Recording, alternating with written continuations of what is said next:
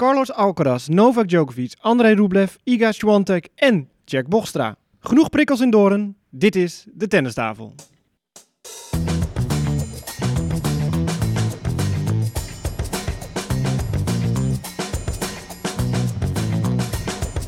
Please take your seats quickly, ladies and gentlemen.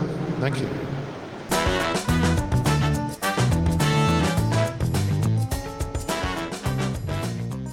Nou, zoals ik zei, we zitten in Doorn.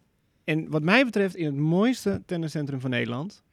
En met Jack Bochstra tegenover me, die ja, hier trots mag zijn, denk ik, op wat hier staat. Nou, dat is een mooie introductie. Ja, nee, ja zeker. We, zitten hier nu eh 12 jaar, vanaf 2010. En het ziet er nog even strak en nieuw uit als 10 jaar geleden, of 12 jaar geleden eigenlijk. Dus wat dat betreft, ik ben altijd iedere dag weer blij als ik hier naartoe mag. En hier eh, heerlijk kan werken. En eh, nou ja, wat je zegt, het is een prachtig tenniscentrum. Eh, Dus ik vind het fijn als jij zegt dat dit het mooiste tenniscentrum van Nederland is. Maar Nou ja, ik was toen ook bij de opening en het is flink verbouwd. ja, Want hoe zag het daarvoor eruit?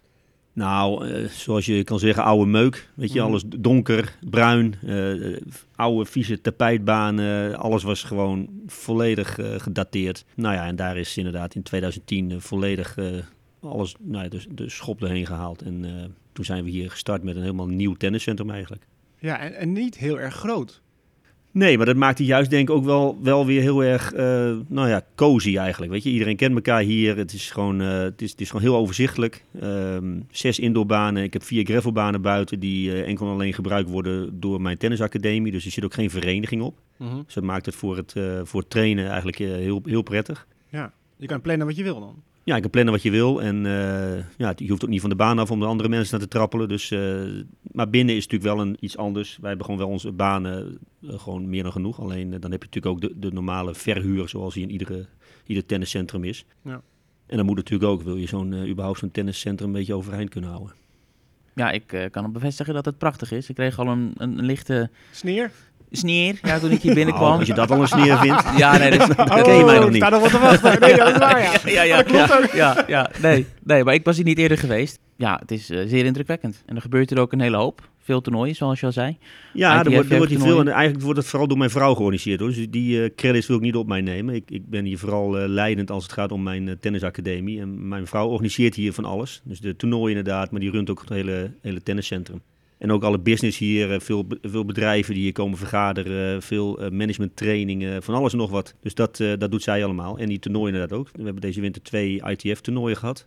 ITF-jeugdtoernooien, grade 3 en grade 5. Dus, en, en veel JT, junior tour toernooitjes, in de leeftijd 12, 14, 16. Ja, er gebeurt eigenlijk veel. Voor het centrum goed, maar vooral voor het Nederlands tennis ook goed. Dat er veel aan de gang is. Gelukkig nog veel tennisbanen hier in ieder geval zijn, eh, in plaats van padelbanen. Ja, en er stond bij de deur, bij het binnenkomen, zo het certificaat. Het KNLTB eh, erkende... Ja. Leerschool? Oh, ja, ja. Ja, Moet ik dat nog uitleggen? Moet het er nog af? Ja, ja, goed, jij, jij het zegt. Dus eh, ja, nee, dat hangt er en dat hangt er al een tijdje. Ja, ja. Ja, dat viel op. dat viel op. Ja, dat hangt niet overal. Maar ja, daar hebben we een hele uitzending aan gewijd, hè? Ja, dat, maar jij hebt een tennisschool met Tom Kempers Ja. samen? Dat klopt. Wij zijn in 2010 eh, 10 begonnen. Ik ben eigenlijk degene die eh, tot de dag van vandaag eh, nog steeds eh, 100% op de baan staat. En 100% is, eh, is hier zes dagen in de week. Maandag tot en met zaterdag. En eh, Tom doet vooral alle, alles eromheen wat ik eh, niet leuk vind en niet kan. En, eh, en waar ik me niet al te veel mee bezig wil het houden. druk. Nou, sommige peri- peri- periodes. Hè. Dat, eh, Ja. dat, kijk, mijn, mijn werk gaat hij continu door. En eh, zijn werk is inderdaad eh, wisselend qua drukte. Kijk, je hebt natuurlijk straks eh, aan het eind van de zomer... dan zijn alle indelingen van de trainingen weer. En eh, dan zijn de periodes eh, inderdaad druk. Maar goed, dat is wat iedere tennisschool heeft. Maar Ja. dat hoort er allemaal bij. Dat is waar. Maar ja, je had natuurlijk dat KNTB-plaatje op, de, Mhm. op de gevel. Er was Ja, ook sprake van een internaat om hier te... Ja. Maar dat is niet doorgegaan. dat is een jaar geleden. Ruim Ja. een jaar geleden, ja. Nou ja, sterker nog, een jaar, ja, ruim een jaar geleden was er een klap opgegeven. Maar anderhalf jaar daarvoor waren we al met het hele traject begonnen. En het traject hield in dat ik eh, eh, inderdaad anderhalf jaar daarvoor, dus nu 2,5 jaar geleden, al gevraagd was van eh, of, ik, eh, of wij ruimte, en, maar vooral ik ook interesse had om leiding te gaan geven aan dat internaat inderdaad. Ja, Jacco die- Elting wil dat heel graag, Ja, maar kreeg het er toch niet door. nou Jacco heeft dat ooit zelf natuurlijk bij, bij Henk van Hulst, hebben ze ooit de TTI gehad in Valkenswaard, Mhm. in, in zijn jeugd, laat maar zeggen. En nou, de bedoeling was inderdaad dat hier was ruimte voor 16 eh, spelers. Eh, die zouden hier, waar we nu zitten, zou er nog een, een verdieping bovenop komen. En dat was allemaal klaar, tekeningen waren klaar. eh, dus alles was, iedereen stond eh, in de stijgers om eh, letterlijk te, te starten met de verbouw ook. Dus le- leerlingen zouden hier eh, naar school toe gaan, naar de middelbare school, hier eh, om de hoek in, in Doorn. En eh nou ja, ze zouden hier dus eh, intern gaan, dus slapen, ochtends trainen, school, na schooltijd weer trainen. eh, En dat vijf dagen in de week. Dus die eh, plannen waren heel erg mooi en daar had ik ook heel veel zin in. Ja. En ik, ik vond dat ook en vind dat ook een model waarvan ik zeg, eh, nou, dat is in ieder geval een topsportmodel. Want je gaat vol voor iets. Denk, je kan overal iets van vinden en dat is ook prima. Maar het is in ieder geval wel een topsportmodel. Mhm. En, eh, het is, en geen poldermodel. Maar het is helaas inderdaad niet doorgegaan in de zin van eh, dat, dat er toch nou ja, uiteindelijk eh, wel redelijk wat weerstand kwam. Vooral van, eh, nou ja, van de ouders. En, en niet zozeer naar, naar, naar de tennisfaciliteiten toe, maar vooral naar de schoolfaciliteiten die er werden geboden vanuit, het, eh, vanuit de middelbare school hier in Doorn. Dus dat was wel heel, heel triest eigenlijk. Niet zozeer van die ouders, maar vooral het feit dat, eh, nou ja, dat we eigenlijk in de veronderstelling waren dat. nou ja, dat de afspraken met de school dermate zouden zijn dat dat nooit een, een struikelblok zou zijn. Maar dat, werd het toch uiteindelijk. dat werd het wel, Ja. ja.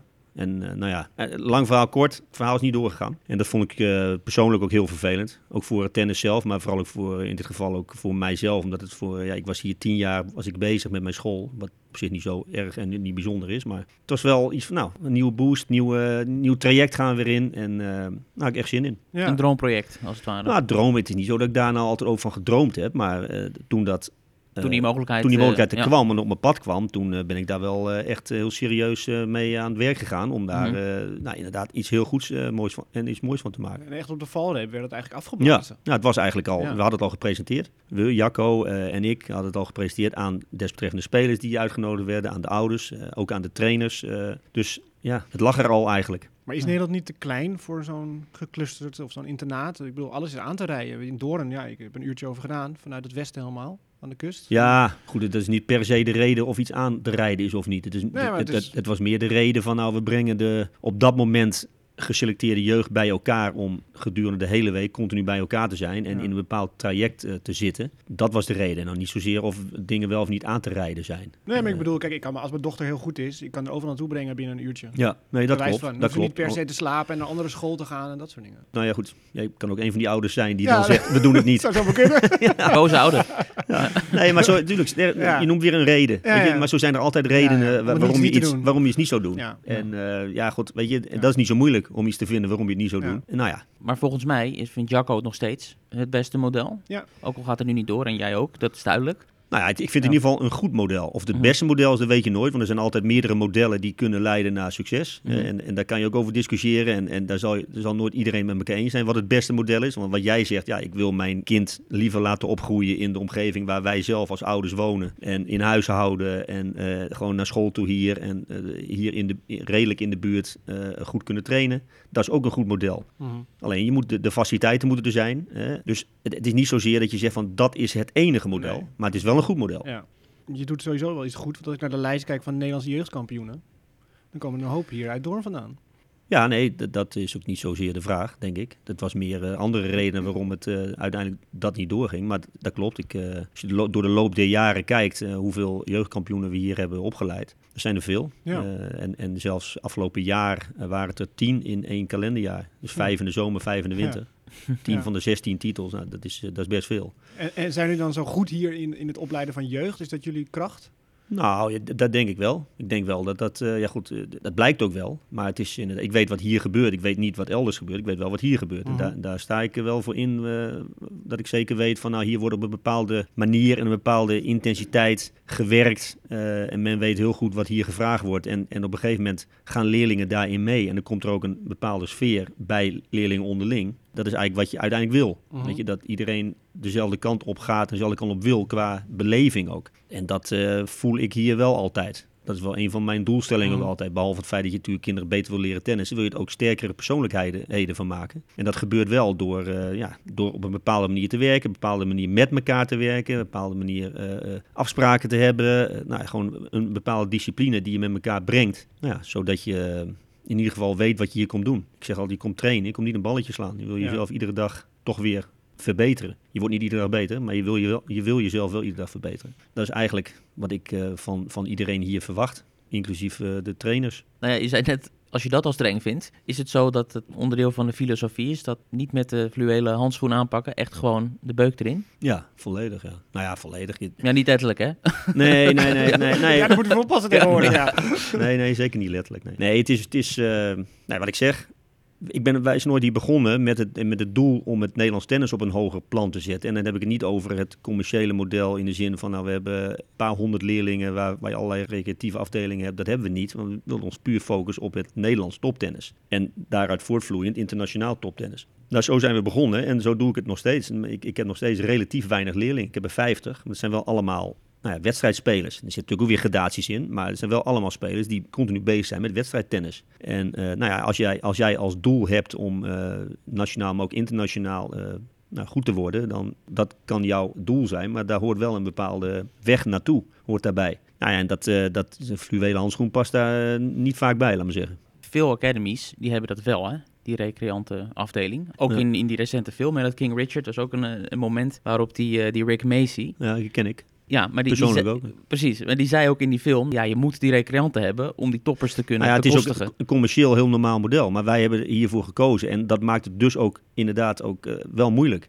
om zo'n school op die manier eh, goed overeind te houden. Maar we doen het al twaalf jaar en nog steeds hartstikke gezond. Maar het is wel wat je zegt, eh, d- laat me zeggen, het verdienmodel is natuurlijk veel logischer als je een hele brede eh, onderlaag hebt van heel veel recreatieve tennissers. En daar is ook niks mis mee, maar dat is het, het, het doorgaans het normale verdienmodel.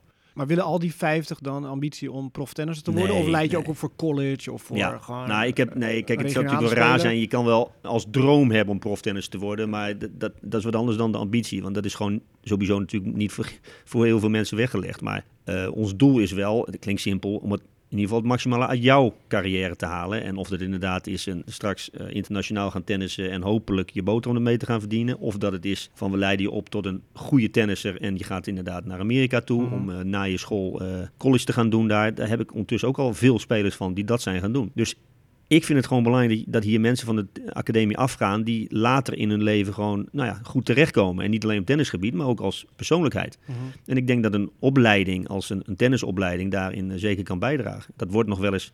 Ik, ik probeer het wel altijd te vertellen en uit te leggen. Alleen mensen komen hier natuurlijk in eerste instantie om, om, om te tennissen. Ja. En om een betere tennisser te worden. Maar goed, nogmaals wat ik zeg, er zijn natuurlijk maar uiteindelijk weinig die hun boterham daarmee gaan verdienen. En dat moet je ze ook wel altijd, daar moet je eerlijk in zijn. Dus het is, moet niet zo zijn dat je denkt van, oh ik verdien mijn boterham niet mee, dus, dus ik eh, heb, heb gefaald. Of ik heb Mhm. het niet gered. Mhm. Weet je, ik krijg ook wel eens ouders die vragen aan mij van een jongetje van 12, denk je dat hij het gaat redden? Ik Ja. van, ja, wat moet hij redden? Ja. Weet je, wat, wat wil je dat hij gaat redden? Weet je, stel dat hij top 100 van de wereld komt, vind je dat hij het dan gered heeft? En eh, weet je, want dan wil je weer 50 staan. Heeft Ja. hij het dan gered? Ja, in de tijd dat Richard Kruijswijk nummer 4 van de wereld was, waren er ook heel veel Nederlanders die zeiden altijd net niet, hè, zeiden ze dan. Ja, ja. Dus het, het is, Ja. het hele leven is net niet. Ja.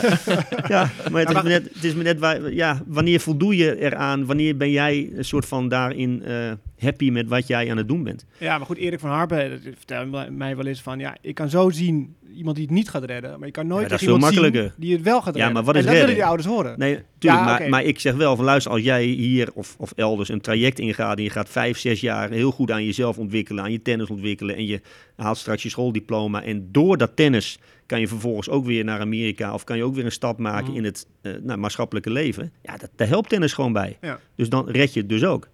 David, we hebben het gered. Ja, jullie hebben Door tennis doen we al die leuke dingen die we Ja. doen. Ja. Als we dat niet Ja, ja. gedaan hadden, Ja. ja, we kunnen stoppen. Ja, maar Ja. zo zie je, sport, brengt mensen inderdaad ook bij elkaar. Maar er ontstaat ook weer veel vanuit sport. En dat Ja. moet je denk ik niet onderschatten. Want als je het niet doet, als je die sport allemaal niet doet... en je, nou ja, je, bent, je houdt je bezig met heel veel... zeker tegenwoordig heel veel dingen die, eh, waarvan je afvraagt van hoe, hoe nuttig is dat... eh, ja, dan moet je daar afvragen van eh, wat, wat levert dat dan op? Het beoefenen van zo'n sport op, een, op, een, op zo'n manier het levert altijd wat op. Daar ben ik van overtuigd. En zit er een alcoholrasje tussen? Nou, niet, niet op die leeftijd. Je zit nergens tussen, denk ik. Als je op die leeftijd dat soort successen haalt, dat is, nou, dat is natuurlijk uniek. Ja. Dat is echt uniek. Maar niet alleen uniek qua tennisniveau, maar ook qua, eh, nou, waar ik net over heb, qua persoonlijkheidsniveau, qua volwassenheid. Dat je op die leeftijd dat al kan leveren, dat is, dat is bijzonder. En daarom zijn er ook maar zo weinig die natuurlijk en goed worden, maar ook zo weinig die op die leeftijd al zo goed zijn. ja, want als we dan even de ATP van Barcelona erbij pakken. Ik denk dat we het bruggetje wel hebben Ja. gemaakt. ja, het weer is ook vergelijkbaar met hoe het was in Barcelona de afgelopen week. ja dan een druk weekend. Jongen, jongen, drama. Zeker, ja. weer. Maar, Maar Alcaraz komt inderdaad daar eruit als de grote winnaar. Knap, hè? En top ja, 10. En top 10 Ja. nu. 18-jarige leeftijd. Top 10. quizvraag. Misschien dat jij eh, ons daarbij Wie de kan helpen. was. Nou, nee, er zijn, er zijn, hij is de eerste tiener in de top 10 sinds eh, Murray in Oké. 2007. Maar van al die tieners die in de top 10 zijn terechtgekomen, zijn er uiteindelijk 12 nummer 1 van de wereld geworden. Moest alle twaalf even op. Hoe, hoe ver kom je? Lekker Oh jeetje. We gaan je helpen. Dus Ik van heb de, van de tieners die nummer 1 zijn geworden. ja, dus tieners Nou, in de eh, top 10 die Le- uiteindelijk door zijn gestoten tot Leighton Hewitt. Dat is, eh, Dat is één. ja, Ja, goed. Daar begin ik mee. Ping. Nou, eh, Nadal. 2. Nou, Murray dus. Mhm. We gaan naar eh, Boris Becker toe, denk ik. Ja, Edberg. ja, Die was ook jong. Sampras denk ik niet. ja, ook. Wel, ja. Nou ja, ik zit een beetje aan deze generatie nog te denken. Want ik denk dat we toch al Nou ja. een stuk... Ja, zou ik Piet. Agassi noemen? Agassi. Ja, nee, maar ik bedoel, ik Ja. bedoel deze generatie van Ja. nu. Oh, voor nu. Ja. Nou ja, No- Novak. Oh, Djokovic, ja. Ja. Ja. Ehm, Generatie Hewitt zit er ook nog één in. Roddick. Roddick. Oh, Oké. ja. Nou, ja, John McEnroe. Ja, dus we gaan, nu gaan we echt verder. Nu gaan we dan gaan we naar. Macro en dan gaan we naar Borg. Ja. Gaan we naar Ken Rosewall en... eh Nee, die niet. Nee, zover gaan we niet. Bob we Hewitt. Heb Toen hadden we nog? geen. We gaan naar Mats. Mats Wielander. Oh, ja. En dan zijn we er. Oké, Ah. mooi. Ja, nou ja. Je ziet dat ik dit niet voorbereid heb, maar ik Nee. wist Nee, nog een maar, paar. nee, dat eh Ja, nee, we zitten indrukwekkend. met een tennisdier tegenover En ik, ik, eh, ik hou wel van tennisgeschiedenis, vind ik belangrijk. Ja, dat wil ik ook nog zeggen over het pand hier trouwens. Want zoals je Heb zegt, je wel goed rondgekeken? ik heb even een rondje gemaakt en het is heel vers. Maar als je kijkt her en der, al die oude rackets en al die oude posters en Kea Bouwman portretten en, echt prachtig. Die combinatie is ook heel mooi. Ja. Nou, ik heb nog een ruimte hier, dat noemen we de, Davis Cup zaal. Maar daar hangen ook allemaal eh, foto's uit het verleden. Maar ook het IC, dus de club van eh Oud Internationals. Die heeft heel veel bijgedragen aan eh, allerlei mooie trofeeën en reliquieën uit die tijd. Dus wel, wel heel erg mooi. Überhaupt belangrijk dat jeugd ook weet waar, waar tennis vandaan komt. Ik vind een stukje tennisgeschiedenis... Vind ik, eh, heb ik zelf altijd ook leuk gevonden. Maar ik probeer het ook weer aan, aan mijn jeugdspelers ook weer over te brengen. Dus wat ik, ik, wat ik hier al doe ik al jaren. Maar ik heb een groep eh, jeugd van 12 tot 14. En die ehm, krijgen om de beurt eh, een spreekbeurt van mij. Dus iedere week heb ik iemand die houdt een spreekbeurt. Je leert even voor de groep te staan. Je leert even een verhaaltje te vertellen. Je leert te lezen over de geschiedenis van tennis. De spreekbeurt moet gaan over een oud speler. Dus een speler die nu niet meer actief is. En, en hij moet uit het buitenland komen. Dus, dus daarmee dwing ik ze ook om echt, echt te gaan zoeken. Het zijn natuurlijk allemaal spelers die, die ik eh, ken. Maar voor een aantal van die kinderen is het gewoon echt volledig nieuw. Ik had vorige week iemand die, eh, die hield zijn spreekbeurt over uh, Younes El Ainoui. Oh, leuk. En jij wijst dan aan waar die spreekwoord over moeten gaan? Nee, Of dan komt nee, nee, dan uit moeten ze helemaal zelf doen. zelf? Dus voor mij is het een verrassing. uit... eh, Voor mij is het een verrassing. Oké, Ja. gaaf. Ja. Dus ik zeg alleen van jij hebt volgende week die spreekbeurt. En dat is drie, vier minuten. Ja, ja. Het is niet, niet zo heel spannend. Maar je nou ja, dwingt ze op een goede manier van het woord om, om in ieder geval eh, te gaan lezen over, over deze sport. Dus het is wel mooi dat ze daar... eh, Je mag niet twee keer dezelfde. Dus, eh, Nee, nee, nee, nee, nee, gaat de lijst en dan moet ja, je dan een is nieuwe er dan, zoeken. eh, ja, dan moet je een nieuwe zoeken. Ah, ja, cool. En bij die meisjes hopen natuurlijk dat ze het gaan vertellen over eh, de Navratilova's en Chris Evans van deze wereld. hè. Mooi initiatief. Leuk. Carlos Alcaraz is de toekomst van onze sport. Ja. Volgens mij is Ja, hij dat- gewoon Federer, Nadal en Djokovic in één. Ja? De mentaliteit, eh, de fysieke kracht, maar ook dat netspel dat hij gewoon durft en doet. Nou, het is Touch. bijzonder, hè? want je zegt eigenlijk na, laat me zeggen, na de, ik zeg nu al alvast na, maar na de periode Djokovic, Nadal, Federer, van nou, dat gaat niet weer gebeuren. Dat gaan wij niet meer meemaken, dat iemand zo lang eh, de, de ranglijsten gaat aanvoeren. Maar nu zitten we hier en eh, nu heb je het al, nu heb je, terwijl ze nog spelen, heb je het alweer over de opvolging waarvan je denkt van, nou, dit is alweer, misschien wel weer unieker. Ja, en dit is al de, derde generatie opvolgingen. Hè? Want Ja. eerst hadden we natuurlijk over, eh wat hadden we het, Ja. Nishikori en Ja. zo. En de die niet, Dimitrovs eh, van deze wereld. redden. En toen hadden we het over Tsitsipas, Medvedev, Nou, maar die zijn ook nog steeds jong. Ja, absoluut. Maar Weet nu je, hebben we dus het al over Alcaraz. Ja, maar die, dat is, vind ik nog steeds wel dezelfde generatie. Want die, die, als je het hebt over Zverev, Tsitsipas, die, die gasten, die, die zijn nog steeds hartstikke jong. Dus daar Ja. ga je, die gaan het ook wel overnemen. Die zijn er natuurlijk eigenlijk al, hè? alleen ze hebben nog geen Grand Slam gewonnen. Dus Ja, die maar ze gaan het overnemen omdat hij top 3 stopt, zeg maar. Want je Ja, ziet nog goed. steeds dat Rafa en Djoko toch op nog... Grand Slams wel, ja. Ja. Die, die zijn nog steeds op Grand Slams. Ja. Nou, Medvedev heeft natuurlijk nu wel echt wel gemeld. Ja. Nou ja, het groepje wordt wel breder. Dat maakt het ook wel weer leuker, denk ik, voor, voor de kijker ook. Dat, je, dat het wat minder voorspelbaar is. Ja. Nou ja, goed, Alcaraz. Wat doet hij? Hij wint eh, Barcelona, weer een ATP 500 toernooi. Hoeveel toernooien heeft hij al gewonnen dit jaar? Drie? Vier in totaal. Hij heeft eh, Rio eerder dit jaar al gewonnen. Natuurlijk Miami hebben we gezien wat hij daar deed. Ongelooflijk, hè? Het, het blijft maar gaan. En in Barcelona won hij twee wedstrijden op één dag, op zondag. Ja. Eerst drie uur en 40 minuten tegen eh, de Minor. Twee Ja, matchpoints wat, tegen. wat ook geen eh, wedstrijd is die je eventjes eh, binnen, binnen no Met time even wegzet. Oh, daarvoor. De ja, nee. Daarvoor ja, ja. Nee, maar die- Nee, die, die- Weet je 3 dat- uur 40. Ja. Ja, en, dan en, en, en dan moet je toch iedere punt moet je er weer gaan staan. Weet je, je krijgt niks. Je krijgt Nee. niks cadeau. En zag je hoe hij er stond op matchpoint tegen? Want Nee. hij had twee matchpoints Ik heb het tegen. niet gezien. De stand was 7-6, 6-5, 40-15 voor de minor. Alcaraz stond in de hoek geparkeerd. Open veld. Voor de minor. Die slaat Oh, die bal erin. En als je het niet gezien hebt, dat gaan we zo meteen dan even, even bekijken wat daar gebeurde. De minor slaat de bal in de open hoek in. Alcaraz is zo snel dat hij die bal voorbij loopt. En terug moet draaien om vanuit zijn backhandhoek een forehand squash shot passing te slaan. nou, het is, het is met geen pen te beschrijven wat hij daar deed. En uiteindelijk wint hij die wedstrijd. 3 uur en 40 minuten dus. En even later pakt hij zijn grote vriend Pablo Carreño Busta in de finale. Ja, Ongelooflijke 3 en wedstrijd, 2 ja. ook. Ja. 3 en 2, ja, heel snel.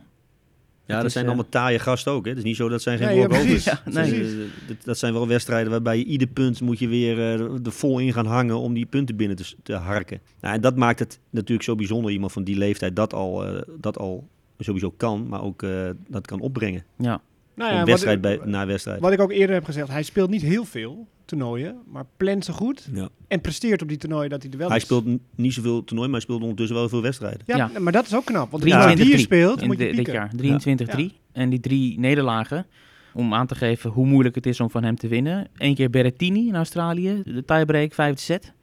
Heeft hij verloren. Van Nadal verloor die eh, in New Wells. Was ook eh, een monsterpartij. En dan die wedstrijd tegen Corda vorige week in eh, Monte Carlo. Was ook eh, drie uur. Dat was de eerste wedstrijd, hè? Ja, dat zijn de drie potjes die hij dit jaar heeft verloren. Verder Om, niks. om, hij was natuurlijk bang om tegen Van der Zandschulp te spelen. Zo is het. Ja, ja. ja. Ja, Die heb jij nog getraind, toch? die heeft hier getraind, ja. Ja, Ja. ja, ja, klopt. Niet lang. Nou, ik denk anderhalf jaar. Oh, is dat lang? Niet zo lang. Nee, is niet lang. Nee, dat is niet lang. Zeker niet in, eh, in die tijd. Want Hoe hij, oud was hij toen? hij, hij won zijn destijds eerste ATP-punten toen hij hier trainde. Dus hij was toen, ik denk, 18, 19. En wat was dat voor kereltje? Nou, kereltje, was, dat, ik ken hem al wel veel langer. Dat is een jongen die natuurlijk super flegmatiek oogt. En dat je echt denkt van nou, eh, hoeveel interesse heeft hij eigenlijk? En hoe, hoe graag wil hij eigenlijk? Maar tegelijkertijd, als je er tegenover stond, dan voelde je wel hoe die ballen uit zijn racket kwamen en komen. Weet je? Mhm. En dat was wel, ik heb direct dit is heel bijzonder. Deze jongen is echt bijzonder. Dus bij hem, ik heb ook, ook altijd tegen hem hè, dit, voor jou is het echt geen enkele resultaat als je bij de beste 200 komt. Dat haal je sowieso. Al doe je niks. Mhm. Dat kan je tegen niemand zeggen. Weet je, want Mhm. tegen iedereen moet je zeggen, ja luister, die weg daar naartoe is zo lang. En daar moet je zo ongelooflijk veel voor doen en voor, voor winnen en voor, weet je. Maar hij niet. Hij is gewoon te goed. Dat kan je al baseren dus gewoon Ja, puur op hoe die, hoe die bal van het rekker komt. Ja, ja. Zo makkelijk. Zo makkelijk vaart. Zo makkelijk eh, zwaar spin. Zo- Ja. Maar goed, er komt veel meer bij kijken Ja, natuurlijk. dan maar dus, dat. maar dus dat, daar ging het ook om. Van, Ja. luister, als jij, dat is geen probleem. Maar als jij de volgende stap wil maken, ja, dan komen er een aantal dingen bij kijken. Die moet je echt gaan invullen. Mhm. Het fysieke onderdeel, eh, het mentale aspect, het niet, niet wedstrijden laten lopen. eh, nou ja, dat soort dingen. En daar had hij natuurlijk wel een handje van. eh, Dat, het, dat hij ook makkelijk verloor. Met wat weerstand. En dan verloor hij makkelijk. En dat wist hij ook wel. Maar ja, je kan het weten. Maar vervolgens moet je dus ook wel dat echt gaan verbeteren. En hij trainde hier met een aantal jongens waar, die, die, hier, die ook fulltime tennisten. Maar dat waren dan jongens die stonden zo rond de 900 of 1000. En, en dat voelde je al van ja, dat is al een ander niveau dan hij heeft. Zijn Mhm. niveau is een ander niveau dan dat. Mhm. Dus hij stak er al zo makkelijk bovenuit. En hij moet uitgedaagd worden. Dus ik heb ook al gezegd, ja, weet je, die jongen die moet eigenlijk tegen de top van de wereld spelen. Dan wordt hij uitgedaan. Dan voelt hij van wat ik nu doe, is net niet genoeg. Of Ja. wat ik, eh, weet je, ik sla nu vier ballen goed, eh, maar er komen nog steeds, er komen er vier terug. Hey, ik, sla de, ik sla de tien goed, er komen er tien terug. Weet je, en dat moet hij voelen. En niet bij de eerste de beste goede bal dat niet meer terugkomt, want dat, daar heeft hij niks aan. Dus Ja. hij, hij heeft die weerstand nodig. En ik heb, al, ik heb ook gezegd, laatst ook weer, hij kan echt van toppers winnen. Mhm. Alleen hij moet het wel structureel gaan, gaan doen, week in, week uit. En dan kan hij, ja, Christian Ruud, de top 10, dat kan hij ook. Mhm. Weet je, een, eh een zwart... Christian Ruud. eh, sorry, eh Kasper Ruud. Ik zat Ja. net over zijn Ja, vader. hadden het over Ja. vader, ja. Ik had het over zijn vader, ja. Mooi, hè? Maar een Schwarzman, die staat zo hoog, dat zou hij ook kunnen. Weet je, gewoon qua tennis. Ja. Alleen, je moet het wel leveren. en- ja, ja, Om over een topper te spreken waar hij overigens een keer van heeft Hij heeft gewonnen. Ja, maar hij heeft natuurlijk van meerdere toppers Ja. wel gewonnen. En, zo, en hij, hij heeft tegen zo'n Medvedev voel je ook van, eh, ja, als die Medvedev niet helemaal eh, top is of niet helemaal scherp is, dan, dan wint hij daar ook van. Ja. Weet je, dus dat kan allemaal. Maar levelt hij dan zeg maar Alleen je zijn moet het- niveau op de tegenstander? Want als hij tegen een topper Nou, speelt, hij- speelt hij goed. Ja. Dan speelt hij tegen een mindere gozer, dan speelt hij zelf ook minder. Ja, maar dat is dus, kijk, uiteindelijk ben je een goede tennisser als jouw ondergrens hoger wordt. Ja. Want zijn bovengrens is nagenoeg, eh dat is top 20. Dat is het wel, of misschien hoger. Maar zijn ondergrens moet inderdaad wekelijks omhoog. Ja. En dan ga je vervolgens weer de stappen maken. En ik denk dat, eh, nou ja, Dat vind ik een interessant punt, want dat hoor je vaker, hè? Ondergrens. Maar hoe train je het verhogen van je ondergrens? Nou ja, ik denk ook een stukje hardheid. Kijk, de tennistop is breed. Hè? Je, ook nummer 1 van de wereld moet tegen nummer 100 van de wereld goed zijn om ook weer te winnen. Het is ook geen uitzondering dat eh, nummer 10 verliest van nummer 150. Dat gebeurt vaker. Maar alleen, het moet weinig gebeuren. Dus je moet wel ook tegen sommige spelers of tegen veel spelers... moet je ook zoiets hebben van, ja, maakt niet uit hoe ik speel vandaag. Ik ga het gewoon winnen. Weet je, want mijn, mijn basisniveau is dermate goed dat ik van deze spelers sowieso win. Ook al heb ik een slechte dag. En ik denk dat je dat bij de beste spelers wel ziet. En zeker op Grand Slams. Weet je, dat gebeurt natuurlijk niet vaak dat, eh, dat, dat toppers eh, heel snel eruit vliegen. Dat gebeurt niet vaak. Maar die hebben ook slechte dagen. Mhm. Sterker nog, dat hebben ze heel vaak. Alleen dat zie je niet altijd. Maar zij voelen Ja. het wel zo. Die denken ook van ja, ik heb vandaag helemaal geen goede dag. Maar dan is het die dag gewoon werken, zwoegen, er alles aan doen en toch die wedstrijd binnenhalen. Nou, En, en de volgende dag of twee dagen later heb je weer een nieuwe kans om, je- om weer beter te zijn. Maar echt lekker, je zegt nu al, met dit weer wat je nu buiten ziet, ga je niet lekker tennissen. Nee. Maar je kan wel winnen.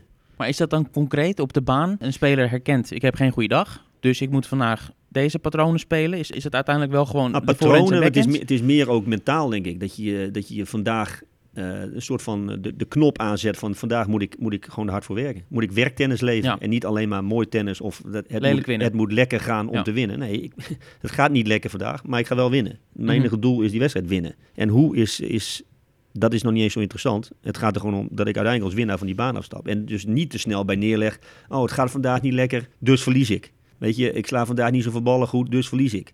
Ja, je ondergrens moet dus zijn dat je wel heel veel ballen goed kan slaan. Dat is je ondergrens. Nou, en daar zakken uiteindelijk veel spelers ook vaak doorheen. Ja, maar ja, voor die spelers is het gewoon werk. Dat zeg ik altijd. Voor hen is het gewoon werk leveren. En bij ons is het hobby. Ik had ook een discussie met eh Ben Spelers, de vader van Bente Spelen, Ja. Nederlands kampioen bij de jeugd. Ik zei, ja, ik wil gewoon goed spelen. En als ik dan verlies, dan vind ik dat minder erg. Dus ik heb nu mijn singeltje gewonnen, maar ik speelde helemaal niet goed. Maar hij zegt, nee, het gaat om winnen. Ja. Daar haal ik me alle grote plezier uit. Dat ik gewonnen heb. En Maar hoe, je, kan, maakt niet je, uit. je kan met tennis ook winnen ik het ook zo- niet. zonder heel goed te spelen. Weet je, en dat Ja, vergeten maar vaak. die voldoening is er bij mij daar niet. Nee, dat, dat maar mag. Is niet Dat werk. mag, maar als, als jij, als, jij eh, als doel hebt om eh, inderdaad op die wereldranglijst te stijgen, dan, dan is dat wel je voldoening. Maar Sterker nog, het is vaak een veel mooiere voldoening om te winnen terwijl het niet goed ging. Ja. Weet je, terwijl, want eh, winnen terwijl het is goed je ondergrens is eh, kennelijk hoog genoeg. Ja, want winnen als het goed gaat, dat is niet zo heel moeilijk. Weet je, en winnen als, als, als het allemaal lekker gaat en de omstandigheden zijn goed, dat is niet zo moeilijk. Ja, maar als win- ik goed speel en jij wint van mij, dan, dan vind het ook prima. Vind ik het prima. ja, maar dat is anders. Want, ik ja, oké, maar dan is je beter. tegenstander echt beter. Ja, en, dat, is beter, en dat precies. hoort ook bij de sport. Ja. Ik bedoel, eh, uiteindelijk eh, verlies je zo goed als iedere week, tenzij je het toernooi wint. Dus er is altijd iemand beter. Maar dat moet je kunnen accepteren, dat is ook sport. Alleen, je moet wel voor jezelf, in ieder geval je tegenstander, zo moeilijk mogelijk gemaakt hebben. Ja, we begonnen bij Alcaraz. Ja, en we dat- zijn via, via Bodik van de Zandschulp bij jouw prestaties uitgekomen, Stefan. Nou, daarom is het eigenlijk ook zo bijzonder dat zo'n Nadal, weet je, en, en een Djokovic, die leveren natuurlijk altijd. Ieder, Ja. Maar ieder punt ook. Niet eens iedere wedstrijd, maar gewoon ieder punt. Dat je steeds weer denk je van, ja, maar, hey, eh, Ja, maar toch winnen ze eigenlijk- maar eh, 56% van Precies. punten of zo, hè? Ja, wel de precies. belangrijke punten. Ja, maar, kijk nou, maar ze strijden wel Ja. ieder punt. En moest kijken hoe weinig ze eigenlijk dan nog winnen. En Ja. wat jij zegt, 56 punten, dus best weinig. Maar ze strijden ieder punt. En, en dat is best knap. Want er zijn natuurlijk ook heel veel spelers die strijden niet ieder punt. Die hebben het al gezien, die, die staan dik achter. En dan laten ze het wat lopen. Of ze Mhm. gaan de volgende set weer gas geven. Of, dat zie je natuurlijk ook best veel. Weet je? Maar dit soort spelers laten nooit wat lopen. En dan kan je zeggen, ja, dat is toch normaal. Maar het is ook bijzonder. Maar Botek is dus weggegaan omdat hij die niet uitgedaagd werd meer. Of- nou, of- dat of- weet ik was niet. er meer aan de Nou, nee. Ik heb niet, niet concreet iets wat er aan de hand was. Oké.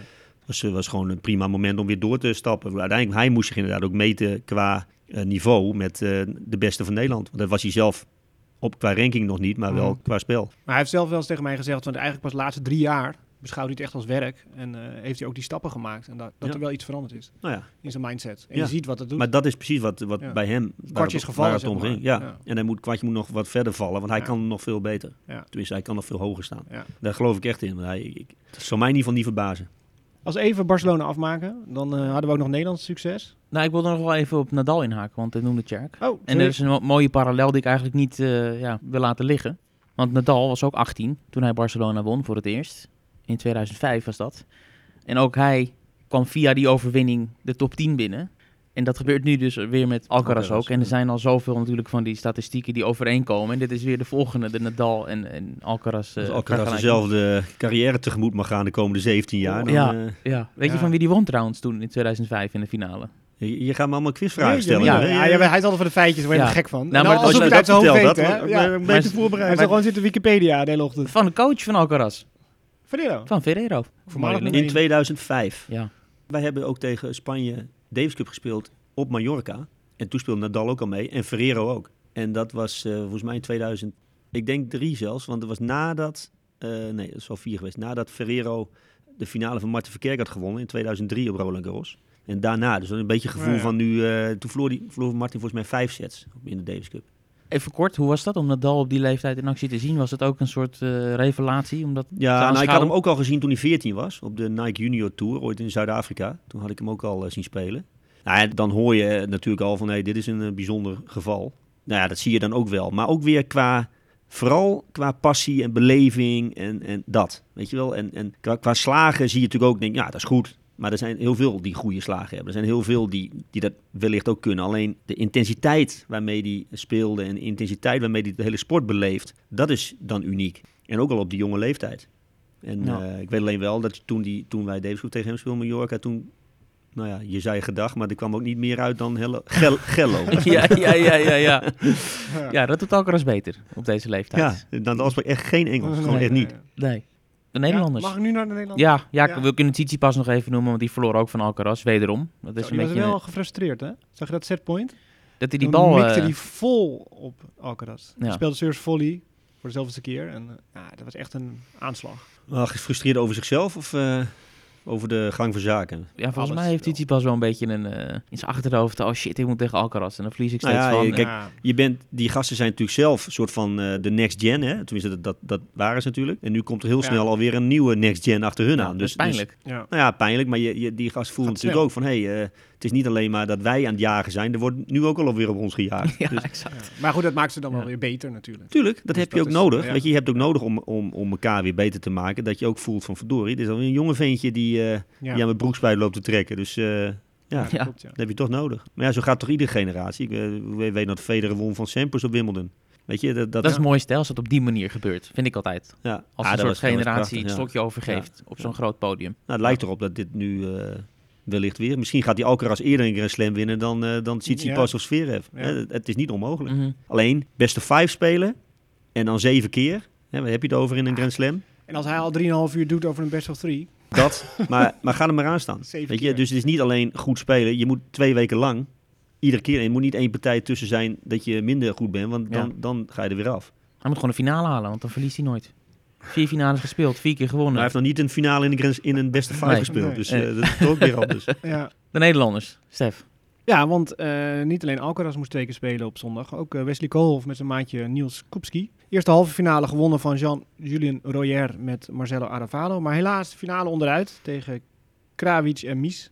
De Duitse Roland Garros kampioenen. Dus die eh, verloor de finale van ATP Barcelona. Maar goed, wel weer een goed resultaat als je het zo mag Zeker, noemen. zeker. Dus, Ah, ja, wel mooi ook zo'n jongen hè, die gewoon in de single niet, eh, niet, sterk, is, niet sterk genoeg was om, om door te tennissen, laat maar zeggen. Hè. Want dan, dan, dan zit je nog in, een regie, in regionen waarbij, eh, waarbij je vooral heel veel geld uitgeeft en er weinig binnenkomt. En op een gegeven moment blijkt dat je, dat je goed genoeg dubbelt. En als je daar dan dat dan ook aandurft Ja. om daarin door te gaan, wat hij gedaan heeft. Nou, dat vind ik ook mooi dat je, dat, eh, dat je die stap durft te nemen. Hè? Want eh, nou, eigenlijk zeg je een soort van vaarwel tegen je, je single. Ja. Hè? Je, dat is eigenlijk vrij waarom, waarom je tennist. Ja. En hij is natuurlijk nooit opvallend geweest bij de, bij de junioren of wat dan ook. Maar hij heeft nu een hartstikke mooie tenniscarrière in, in de dubbel. Maar ja, dat is ook tennis. Dus ik, eh, ik vind het hartstikke mooi dat zo'n jongen dat doet. En daar ook echt zijn weg in heeft gevonden. Dus nou, vind ik ook wel weer een voorbeeld voor ook anderen. Die zeggen van ja, weet je, er zijn over meerdere wegen gesproken. Er zijn inderdaad meerdere wegen Mhm. om ook eh, in dat tenniscircuit gewoon een, eh, ook, ook een boterham te verdienen. Maar ook eh, gewoon een, een goede weg te vinden. Ja, het dubbelspel is ook echt een volwaardig onderdeel van Wel, de kijk, Tour. het is gewoon knap wat hij doet. ja. Hartstikke mooi. Ja, ik zie een zijpad, maar we hebben al zoveel zijpaden ja, dat zat ik ook al te denken. Ja. Heel, heel kort dan. Het- jij leidt jeugd op. Komt het wel eens voor dat je iemand ziet spelen waarvan je denkt... ik denk dat het in het enkelspel niet gaat lukken. Ja. Maar als je je vanaf nu gaat richten op dubbelspel... want ja, dat is niet echt iets wat je associeert met een jeugdspeler. Nou, Dubbelspel. ik, ik zie het vaak best snel. En eh, ik heb nu ook een meisje, Sarah van Emsteeds. eh, Die, eh, dat is gewoon een meisje die, die kan alles. Een beetje zoals Demi, Demi Schuurs. Eh, qua handigheid Mhm. met een bal en het spelletje, weet je. Eh, maar ze is, als je nu kijkt naar haar single-resultaat en in, in vergelijking met het dubbelresultaat, dan heb ik het over een junior. Hè? Eh, ja, daar zijn die dubbelresultaten zijn zoveel beter continu dan de single-resultaten. Maar ze kan gewoon goed tennissen. Ja. Weet je, en het is een meisje die gewoon heel het spelletje gewoon gaaf vindt om te spelen. Maar die weg in de single zal zoveel langer zijn voor haar dan de weg in de dubbel. En ik denk dat zij in de dubbel zeker, die kan echt goed worden in de dubbel. Maar die speelt dubbelt gewoon veel beter dan al die meiden bij elkaar. Hm. En eh, ja, Ja. dus da- daar zie je het al aan. Is gewoon een junior. Ik vind het wat voorbarig om te zeggen, oké, stop maar met die single. Nee, ja. Want je moet je ook als tennisser ontwikkelen. Weet je, dus, d- dus, je- dus je moet wel gaan singelen, wel als tennis ontwikkelen. Maar als op een gegeven moment blijkt, hey, mijn, mijn dubbelresultaten gaan bij de senioren ook zoveel sneller dan mijn single. En mijn single blijft serieus hangen. Ik, ik, eh, ja, dan is het natuurlijk niet raar als je dat wil doen, dat je daarvoor kiest. Dan Ja. zou ik dat eh, zeker, zeker aanraden. Ja. Gaan Ja. we van de pista Nadal naar Belgrado? Ja, Waar Novak Djokovic ook een hoop zijn eigen gebeurd. toernooi eh de finale heeft gehaald. Dat was een finale tussen eh, iemand die is eh, verbannen van de Australian Open tegen iemand die, eh, Die is verbannen is verbannen is van, Wimbledon. straks. Ja, daar gaan we het straks eh, even vast Ja. over hebben. Daar kunnen ze met z'n tweeën wel over hebben. Ja, inderdaad. Ja, nou, André Rublev eh, won de finale van Novak Djokovic. 6-0 derde set. Maar Djokovic was wel pittig hoor. Want heel veel drie-setters. Alleen maar? alleen maar. Verloor iedere Ja. keer de eerste set. Ja. Ja. En Want jij zei fysiek, zei je vorige week, is hij misschien niet helemaal op orde. Nou ja, in de finale niet. Ja, dat is waar. Ja. Zware omstandigheden ook weer daar. Maar goed, dat bij hem is ook altijd mooi. Dat je denkt van, ja, hij heeft fysiek niet helemaal op orde. Maar stel nou dat de beste vijf was geweest, dan staat hij daar de vierde set weer. Ja, dat is ook weer zo. ja. Dat is Djokovic. Ja. Dan denk je van, hij is niet helemaal op orde. Verliest 6-0 derde set, maar hoppakee, die vierde, dan, eh, Ja, dan gaat hij weer strijden. En dan zorgt hij dat hij 10.000 mensen tegen zich krijgt. Ja. En dan, eh, dan komt die soldaat weer naar boven. maar hij is wel fit, maar wedstrijdfit is dan toch denk ik wat anders. Hij heeft natuurlijk weinig, gedaan, weinig gespeeld. Ik kan niet zeggen dat het hem opbreekt, maar dat het werkt niet in zijn voordeel. Nee. Hij heeft natuurlijk een hele beroerd eerste kwartaal van het jaar gehad. Ja, als het gaat om ja, eh, alles wat er, ja, maar alles wat er omheen komt ook. Ja. Qua eh, energie eh, waar, waar je mee bezig bent. stresslevel. Ja, Ja. Ik bedoel, dat, dat is natuurlijk eh, sowieso niet goed. Maar ja, tegelijkertijd is hij wel precies hij de persoon om dan, dan juist te laten zien van... hé, nu, eh, nu krabbel ik weer op. En jullie houden nu even misschien eh, wat minder rekening met mij. Maar eh Ja. let op, straks Ja, is die beste vijf Roland Garros en dan, eh, dan sta ik er weer. En zeker tegen Gatjanov in die halve finale. Sets 2 en 3 waren echt, echt heel goed. Ja. Dus ja, dat komt wel weer. Nee, dat soort jongens moet je nooit denken van... nou, die, die doet even niet mee. Die, die doen altijd mee. Mhm. Ja, Die en moet als je hij Rome eh, Madrid mag spelen, toch? Ja, ja, zeker. Ja, dan heeft hij een mooie opbouw natuurlijk naar Roland Garros. Ja. Dan is hij daar echt wel weer fit genoeg. Hij is eh, sowieso een van de kanshebbers. Dat eh, mag je rustig zeggen. Als Djokovic meedoet, hoe groter het toernooi... Je zal altijd kans ja, hebben. Ja, toch? Ja. Ja, en weet je, wat ik net al zei, beste vijf spelen, twee weken lang, daar is hij, Nadal, dat zijn natuurlijk een aantal, die weten daar meer van dan al die gasten waar we het net allemaal over hebben. Dus eh, in die zin, eh, ja, want het is echt heel anders. ja, dat is echt heel anders, Ja? ja. ja. Wat maakt het dan zo anders? Nou, gewoon het hele indelen van zo'n wedstrijd maakt het anders. Het, het, de lengte van de wedstrijd maakt het anders, maar ook gewoon twee weken lang maakt Ja. het anders. Maar is het alleen maar fysiek of is het ook mentaal anders? Nou, dat, dat gaat samen. Dat kan je niet los van elkaar zien, dat fysiek en Dus niet mentaal. gewoon een extra setje moeten winnen. Zo simpel is het dus niet. Nee, want het is, eh, het is soms ook een extra setje verliezen. Ja, ja, die ruimte is er. Dus dat geeft je misschien Ja, die ruimte is er, maar Ja. daardoor gaat het ook weer langer duren. Ja. Weet je? En, en het maakt het ook weer lastiger om van deze jongens te winnen. Omdat je, kijk, ik kan me voorstellen dat twee sets winnen van Nadal makkelijker is dan drie sets winnen van Nadal. Mhm. Daar weet zo'n tegenstander ook van, ja, het is mooi, ik win nu de, ik win de eerste set van Nadal, maar ik moet nog steeds twee sets winnen. En dat is Ja. nog steeds een hele lange weg te gaan. En dat is mentaal, fysiek mentaal, is het natuurlijk een heel andere weg te gaan dan als je al een set gewonnen hebt. Dan Ja. ben je over het algemeen halverwege. Nou, dan ben je in zijn beste vijf helemaal niet. Zullen we Nou ja, overschakelen naar de vrouwen? Of Nou, er is nog wel een en ander over eh Belgrado te zeggen. Oh, Rublev, ja, derde titel. Is ook eh, net als Alcaraz. Nou, altijd op hardcourt en nu op gravel. nu op gravel, ja. dus, ik eh, vind hem ook niet een van de, de, de favorieten op gravel. Zou je niet Ik zeggen? vind hem echt wel een hardcourt speler. Met zijn vlakke, snelle, harde slagen. Eh, direct. Dus hij is niet bij uitstek de gravel speler. Dus dat maakt het wel voor hem natuurlijk ook wel weer eh, mooi dat hij op gravel zo'n Ja. toernooi wint. Maar ik vind hem ook niet een van de favorieten.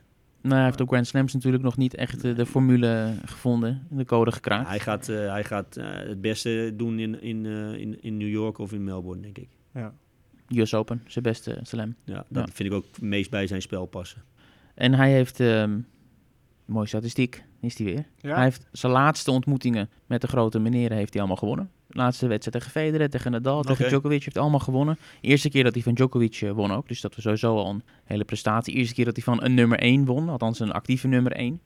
Dus ehm Ja, mooie week. hè? Ja, zeker. En hij wordt, eh, hij wordt gecoacht door, eh hoe Spanjaard? Eh, Vicente. Vicente, ja. Ken je die goed? Ja, die ken ik uit de tijd dat eh, ik natuurlijk lang met Jan werkte. In die periode. Jan Siemerink. En Jan heeft wel eens tegen hem gespeeld. In, Bar in Barcelona overigens. Daar sprak ik Vicente laatst nog over in, eh, in, eh, in eh, Rotterdam. Kwam ik hem daar even tegen. En toen, hij herkende mij inderdaad als coach van Jan. Toen zei ik, weet je nog dat je tegen hem gespeeld hebt? Ja, hij zei, gelijk Barcelona. Hij wist ook gelijk welke Echt? baan. En Vicente won dat. Op gravel was dat, uiteraard. Eh, de- Mm, dat was Jan niet, Jan was niet Jan zijn ondergrond. nee, dan had, hij niet gewonnen. Ik denk dat Jan op iedere ondergrond van hem won, behalve gravel. Maar dat is, ik vind wel een mooie combinatie, want hij is natuurlijk al lang daar eh, opgegroeid ook, hè, eh, Rublev. Ja, ja, hij heeft daar zijn training gewoon Ja, gevolgd. dus- Althans, dat is niet helemaal waar, want hij heeft gewoon in Rusland getraind heel lang. Wel richting zijn achttiende, zo rond hij volwassen werd, heeft hij een soort breuk met zijn thuissituatie, met zijn moeder, want dat was zijn coach. En toen hebben ze gezegd naar Spanje. Ja. En ze zijn nu al een tijd samen.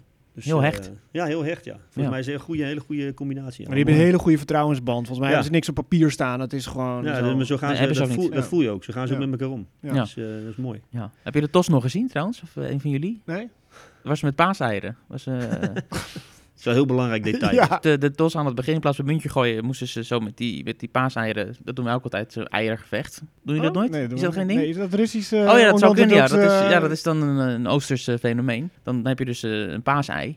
En dan ga je met elkaar vechten. En dan sla je met het ene ei op het andere ei. En eentje kraakt er dan. Oh. En dat, wie won dat? Eh, weet ik niet. Ja, dat is niet Degene die kraakt heeft Die heeft verloren, dan. Die Ja, heeft ja. de tos verloren. Oké. Maar dat was orthodox Pasen. En zowel Djokovic als Rublev zijn natuurlijk Oosters orthodox. Ja, die waren er heel goed in, in die tos. Ja, Ja, dat Ja, was wel een goed. gevecht. Als je van de tos aan een hoogtepunt gaat maken, dan, eh, wordt gekker, toch? ja kom op. dan zijn we ver verwijderd van waar het om gaat.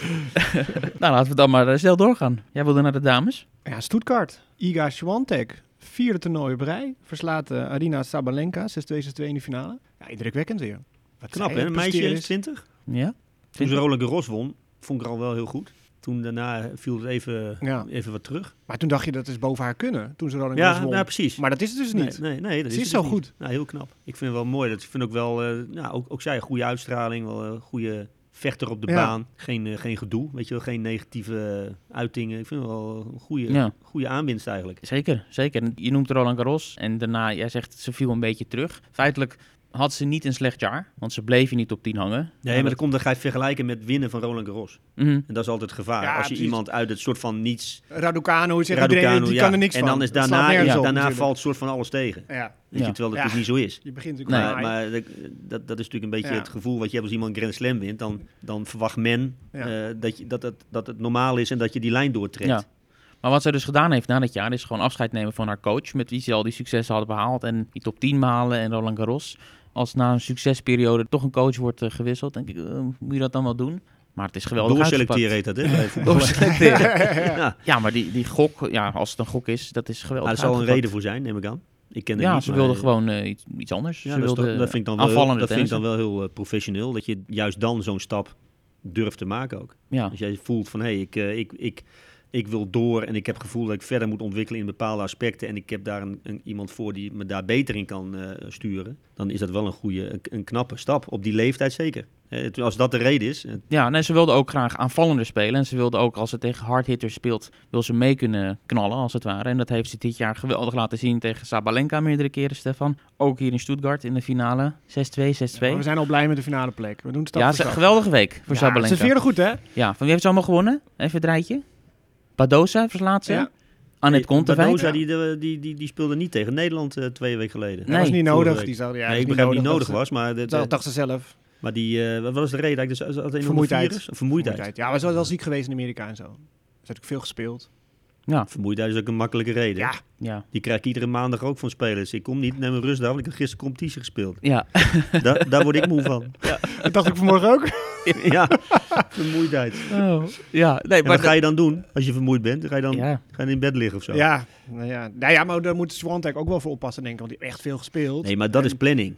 Ja, en nu komt Roma Madrid en Roland Garros Ja, aan. nee, oké, maar, dat is, al maar dat, is, dat is wedstrijden. planning van je toernooien na, na zo'n evenement als Roland Ja, maar die Garros. speelt ook nog even Billie Jean King Cup tussendoor. Ja, Ja, Dus nee, maar zeker. Maar dat, je, het belangrijkste is, en dat zeg ik al bij de jeugd, dat je fris blijft. Ja. Weet je, en die jeugd die speelt ook eh ongelooflijk veel. En soms zoveel dat ik denk van jeetje, als je straks als je prof wil zijn, dan speel je niet meer dan dat je nu doet. En, je, en, en nu ga je ook nog naar school toe. Dus moet eens kijken wat, wat je Ja. allemaal al, nu al verzet. Weet je, het belangrijkste is dat je straks, eh, als je 17, 18, 19, 20 bent, dat je fris bent om dan nog 10 jaar er tegenaan te gaan. Ik ontmoedig niet het, het spelen, Mhm. maar je moet wel zorgen dat je, dat je goed plant. En eh, dat je eigenlijk iedere keer als je dan weer speelt, dat je ook fris bent om er weer volle bak tegenaan te gaan. Nou, zij wint al de wedstrijden met 6-2, 6-2, 6-1, 6-1. Dat duurt in ja, echt... dat plant ze goed. in, in zeldzame gevallen duurt het langer dan een uur. Ze had nu één, één zware wedstrijd van Sam Sonneva in de halve finale. Wedstrijd van drie uur trouwens Ja, ook, drie minuten. Maar ja, over het algemeen is het zo ontzettend efficiënt hoe zij speelt. Ja, maar het is niet alleen die uurtje, uurtjes eh, die jij nu Tuurlijk, noemt. ja. Het is ook het leven eromheen. Weer reizen, weer in een hotel zitten. eh, en, en, maar je moet ook tijd nemen om te trainen. Je moet ook tijd nemen om thuis te zijn. Om aan, aan, de basis en aan je techniek weer te trainen. En aan je fysiek weer te werken. Het is niet alleen van wat jij nu noemt van ja, die wedstrijd is er niet zo lang. Je moet fris blijven. En dat betekent ook dat je eh, niet continu aan het reizen bent. Nee, en rust hoort bij je training. Rust is, rust is Onderdeel. onderdeel van je Ja. training, tuurlijk. Ik kan doorgaan met statistiek, hè? Ja, dat weet Oneindig. ik. Daarom Maar als jij nog laat ik de luisteraars redden dan. Ja? Eh, heb ik nog een quizvraag aan? Nee, Tussendoor? nee, nou misschien zo meteen. Nou ja, wie won het dubbelspel in Stuttgart? Oh, nou, nou, nu, nu moet jij het antwoord geven. ik zei al dat ik dit weekend best, eh, oh ja, Demi, best slecht gevolgd heb. Ja, nee, ja, dat is wel fijn inderdaad, mooi. want zij, eh, ja, dat, dat, zij heeft natuurlijk ook wat, eh, wat wisselingen in haar partnerships gehad. Ja, En, speelde met eh, Desiree Kraftchik. Ja, maar dat is, wel, dat is natuurlijk wel belangrijk als dubbellaagster in dit geval, dat je wel vaak en veel met dezelfde speelt. Want dan kan je ook eh, echt op elkaar ingespeeld zijn en, eh, en resultaten dus gaan boeken. Nou, zij is wel een meisje die natuurlijk, ja, in die dubbel, eh, gewoon top 20, die kan het gewoon daarin nog steeds hartstikke goed mee. Maar wel belangrijk dat zij dat ze een vaste partner heeft. Ja. Nou ja, ze won van Zhang en Gav in de finale, 6-3, 6-4. Een knappe overwinning. Op gravel. Ik zou Ja. toch eerder zeggen dat zij op iets snellere banen wat beter uit de voeten kwam. de dubbel wel iets minder belangrijk. Maar... Is dat minder belangrijk? Nou ja, ik vind de ondergrond in de dubbel minder belangrijk dan in een, in een single. Ja, oké. Ja. Dat zou ik eigenlijk aangeven. Ja. En bij damestennis is de ondergrond, vind ik, ik krijg natuurlijk een hoop kritiek nu. eh, vind ik in de, de ondergrond ook weer iets minder doorslaggevend vaak dan bij, eh, bij het heren. ja, ze spelen veel hetzelfde spel, wat Ja, voor ondergrond het spelen ook toch- is. Precies. Ze spelen Ja. toch wat meer, eh, Ja. nou ja, wat meer eendimensionaler dan, dan over het algemeen herentennis.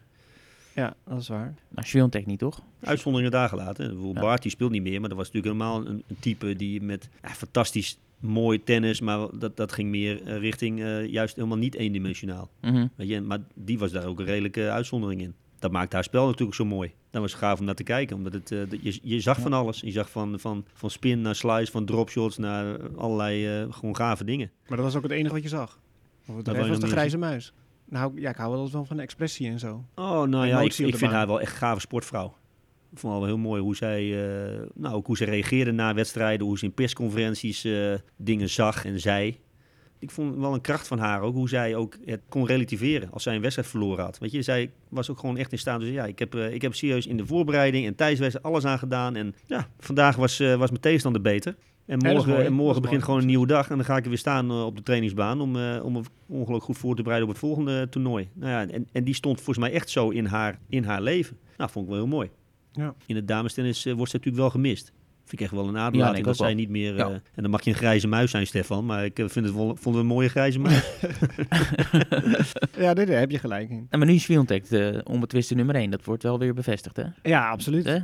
Ja, en ik moet denken de- aan, aan Nike op, als ik haar zie. Want die heeft haar eh, laten gaan. En daarna won ze Roland Garros en zo. In het, in het foeilelijke Essex wat ze aan heeft. Maar Nike wil natuurlijk altijd de nummer 1 van de wereld hebben.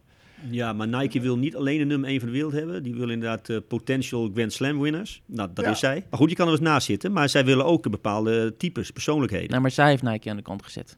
zij heeft het Nike aan de kant. Ja, maar het verhaal, het verhaal gaat, zij stond onder contract bij Nike. Misschien hebben we dat al eerder verteld hoor. Houd kort dan. Eh, eh, ja, het enige verzoek wat zij aan Nike had gegeven was: prima, ik wil graag bij jullie blijven. Het enige wat ik vraag is: kunnen jullie ook mijn coaches kleden? En daarop heeft Nike op een of andere manier gezegd: dat doen we niet. Waarop zij heeft gezegd: eh, in dat geval zijn jullie niet Hmm. mijn gewenste partner en is overgegaan. Nou ja, die discussie ga ik niet mengen. Nee, ik ook niet, maar dat, schijnt, dat schijnt het verhaal te zijn. lijkt me sterk. Dat het op zoiets afhangt. Ja, maar goed, lijkt me sterk. Maar goed, eh, ik... ik, als ze eh, daar naar terug gaan, dan, dan moeten ze een zak geld meenemen. Dat wil je niet weten. Dus eh, vind ik altijd wel mooi hoe dat loopt eigenlijk altijd. We gaan het straks uitgebreid hebben over eh, Rusland en eh, Wit-Rusland. Mag je dat nog zo zeggen, David? Wit-Rusland? Of moeten we ook zeggen Belarus? Schijnt. Nog steeds Wit-Rusland. Toch gewoon Wit-Rusland? Oké, daar Natuurlijk. gaan we het zo over hebben natuurlijk, over, de, over de boycott met Wimbledon en zo. Maar het opvallende was, we hadden een hele Russische finale in Istanbul. Hm. Anastasia Potapova tegen Veronica... Patapova. Ja, de her- herstel maar als moet. Hoe? Zeg jij maar. Patapova. Tegen? Kudermetova. Juist. Oh, is. De eerste won. De eerste won. Ja, dus een eerste hele, titel. eh, qualifier. Dus hadden we een Russische finale. Nou, we hadden Sabalenka al als finaliste en we hadden Rublev als winnaar. Dus de, de Russen lieten deze week van zich horen. Maar ja, Wimbledon zegt, jullie zijn niet welkom bij ons. Wat vinden we ervan, Tjerk?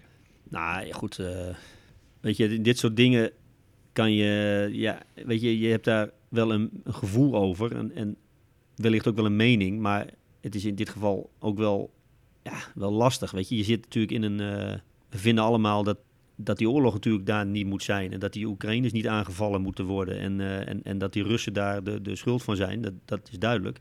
Als het dan zou helpen dat je eh, dit soort maatregelen. dat dat dan zou helpen aan het beëindigen van die oorlog. Een groter doel. Ja, dat. Dan denk ik dat zo'n Russische tennisser als, zelf als eerste zegt van ik speel wel niet als die oorlog daarmee eh, be- beëindigt. Ja. Hè? Maar dat is natuurlijk niet het geval. Dus, en ik vind het wel heel erg, nou in dit geval triest voor een, een tennisser die daar werkelijk natuurlijk helemaal niets mee te maken heeft. eh, die de wereld rondreist om zijn werk uit te oefenen. Die daar dan eh, last van moet hebben. En, en niet mee mag doen aan, aan datgene waarvoor je tennist. Hè? Wat de droom is van iedere tennisser. Ook al is het de, de, de weet ik veel hoeveelste keer dat je de- aan dat toernooi meedoet. Dat is de droom van jouw werk om dat te doen. En als dan de LTA beslist dat de, Rus, de Russische tennis daar niet aan mee mogen doen. Van ja, dan vind ik dat wel heel treurig voor die tennissers. Dan denk ik eigenlijk van ja, daar ben, daar ben ik persoonlijk naar die tennissers niet mee eens. Maar nogmaals, als er een hoger doel is dat, daar, dat het helpt, echt helpt, Mhm. toon dan maar eens aan dat het helpt. Weet je, ik, ik vind het ook toch alweer anders als je het hebt over uitkomen voor je land. Want dan kom je uit voor Rusland en nu komt Rublev uit voor Rublev. En, Mhm. en, en Medvedev komt uit voor Medvedev. Dat vind ik anders. Die komt niet uit voor Rusland op dat moment. Nee, dat is het hele punt. Dus ik, ik, ik, ik vind de uitsluiting van een persoon, vind ik, ja, dat, dat, daar ben ik eh, geen voorstander van. Er wordt dan al gezegd, het is discriminatie op nationaliteit. Ja, dat is ook zo. Ja? Dat is ook zo. En ATP en WTA hebben daar terecht een punt van gemaakt. Die hebben ook afstand genomen van die beslissing. Natuurlijk gezegd, ja, die oorlog, daar zijn we allemaal tegen. En Djokovic, die verwoordde dat nog mooier misschien wel. Je doet mee op de tennistour op basis van je ranking. Niet op basis van je nationaliteit, ook Nee, wat jij inderdaad ja. zegt. Dat staat in al die reglementen, in al die contracten ook, die ATP en WTA met de slams hebben. Dat mogen ze helemaal niet doen. Dus Dat- hier is het laatste woord ook niet over gezegd. Nee, ik verwacht sowieso een, misschien wel een soort rechtszaak of wat dan ook. En ik heb ook vernomen, ik heb het niet kunnen verifiëren, dat er in Madrid komende week een bijeenkomst zal zijn. eh, ATP WTA. En dat er overwogen wordt om als tegenmaatregel misschien, en nogmaals, het is nog niet bevestigd, maar ik noem het wel even nu, om misschien alle ATP en WTA rankingpunten af te nemen van Wimbledon dit jaar. Weet je, als jullie hiermee doorgaan, als jullie onze spelers een gedeelte daarvan discrimineren op deze manier, dan is dit onze tegenactie. Er wordt ook gevraagd van eh, Russische spelers van eh, spreek je uit tegen Poetin of Ja, maar tegen. dat maar kan dat niet. kan niet, want Nee, dan natuurlijk niet. niet Dat is veilig. Nee, natuurlijk niet. Dus Ja, dat maar kan je niet. Dat is, dat is dom om te zeggen. Ja, maar Kan dat wordt dan Ja, je die Oekraïnse spelers Dan, dan, gevraagd. dan, hè? dan, dan kloppen ze morgen aan bij je, bij je broer of bij je zus. Nee, maar, dat eh, kan sorry, natuurlijk niet. Het is een moeilijk pakket natuurlijk. maar ook als het eh, wel had gekund, wat is het, uh, gedachtepolitie of zo?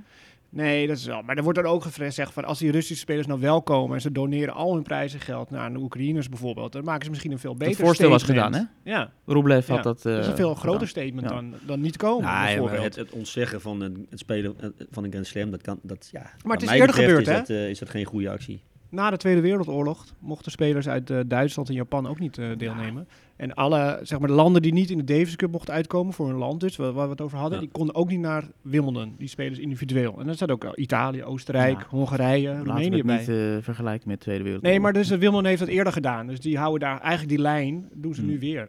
Het laatste woord is er nog niet over gezegd, denk ik. Ik Nee, vermoed dat maar er nog wel iets... Nederland is Nee, ook maar weer ik, verdeeld, Ik hè? hoop echt, zowel voor tennis als voor die spelers uiteraard, dat, dat dit teruggedraaid wordt. Ja. Nou ja, Medvedev komt wel naar Rosmalen, Libema Open. Dat- Op dezelfde dag werd het aangekondigd dat hij eh, erbij is. En een paar uur later Wimbledon, we doen geen Russen. Dus er kwam ook al meteen een stroom op Twitter op gang van... Ja, eh, hallo Rosmalen, eh, hoe kan je dat doen? Dus je krijgt een verdeling, helaas. Ander Russisch nieuws? Sharapova zwanger? Ja, Jack? nou, leuk. leuk. Leuk voor de man. Ja, ik las het, ja. En Nou, je voor het ziekenhuis straks? Ik las het, Hoe die ja, gaat bevallen? Hoop herrie. Oh, Stefan. Ja. Boze, de boze brieven komen alweer binnen. Ja, dat wordt een Ja, privékamer. eh, dat is hartstikke leuk voor. Nou ja, andere liefdesnieuws. Milos Roni is getrouwd in Italië. Oh, die zit er ook nog, Milos. Ja, die hebben het druk. Ja, niet Ja, met tennis. Getrouwd in. Italië. Ja, Met de Italiaanse. dat weet ik niet. Oké. Zover ben ik niet eh, gekomen op deze Dan moeten RTL even- Boulevard. On- onderzoeksjournalistiek. Oh ja. Met Ja, Rosmalen. mooi. Ja, hij was al aangekondigd. Ah, en eh, Rosmalen voor het eerst weer na twee jaar. ja, hij was al aangekondigd, zeg maar, Twee jaar niet gespeeld. 2019, 20. Toen kwam hij niet, eh, omdat het niet doorging. Publiekstrekker mag ik hopen. Ja, misschien wel nummer 1 van de wereld. Zou Straks in juni. Ja. Eh, hij herstelt nu nog van een hernia-operatie, dus eh, ja, we moeten mooi voor het toernooi. Ja, dat is natuurlijk wel even een dingetje. Of dat Ja. allemaal op tijd goed komt. Ja, maar dat gravel, dat... eh, ja, Dat slaat hij, ja, slaat Ja. hij over. Dat was het idee. Precies. Misschien dat hij nu, omdat hij Wimbledon misschien niet mag spelen, dat hij denkt, oh, misschien dan toch maar Roland Garros meepakken. Al kan ik me dat niet voorstellen. Met maar zijn al die Engelse toernooien gaan niet door trouwens. Of die Britse toernooien op gras. Dus het is niet alleen maar Wimbledon, maar ook die voorbereidingstoernooien. Dus heel LTA, zeg maar. de- Nee, ja, dat tennis- begrijp ik. Die gooi je Het- eruit. Het zou raar zijn als Ja. alleen Wimbledon zou zijn en, en dat je daarvoor in, Ja, ja, in-. Nottingham of Ja. Eastbourne wel mag tennissen. Ja. ja, dus dan kan die Rosmalen spelen, dan kan die Stuttgart, Halle.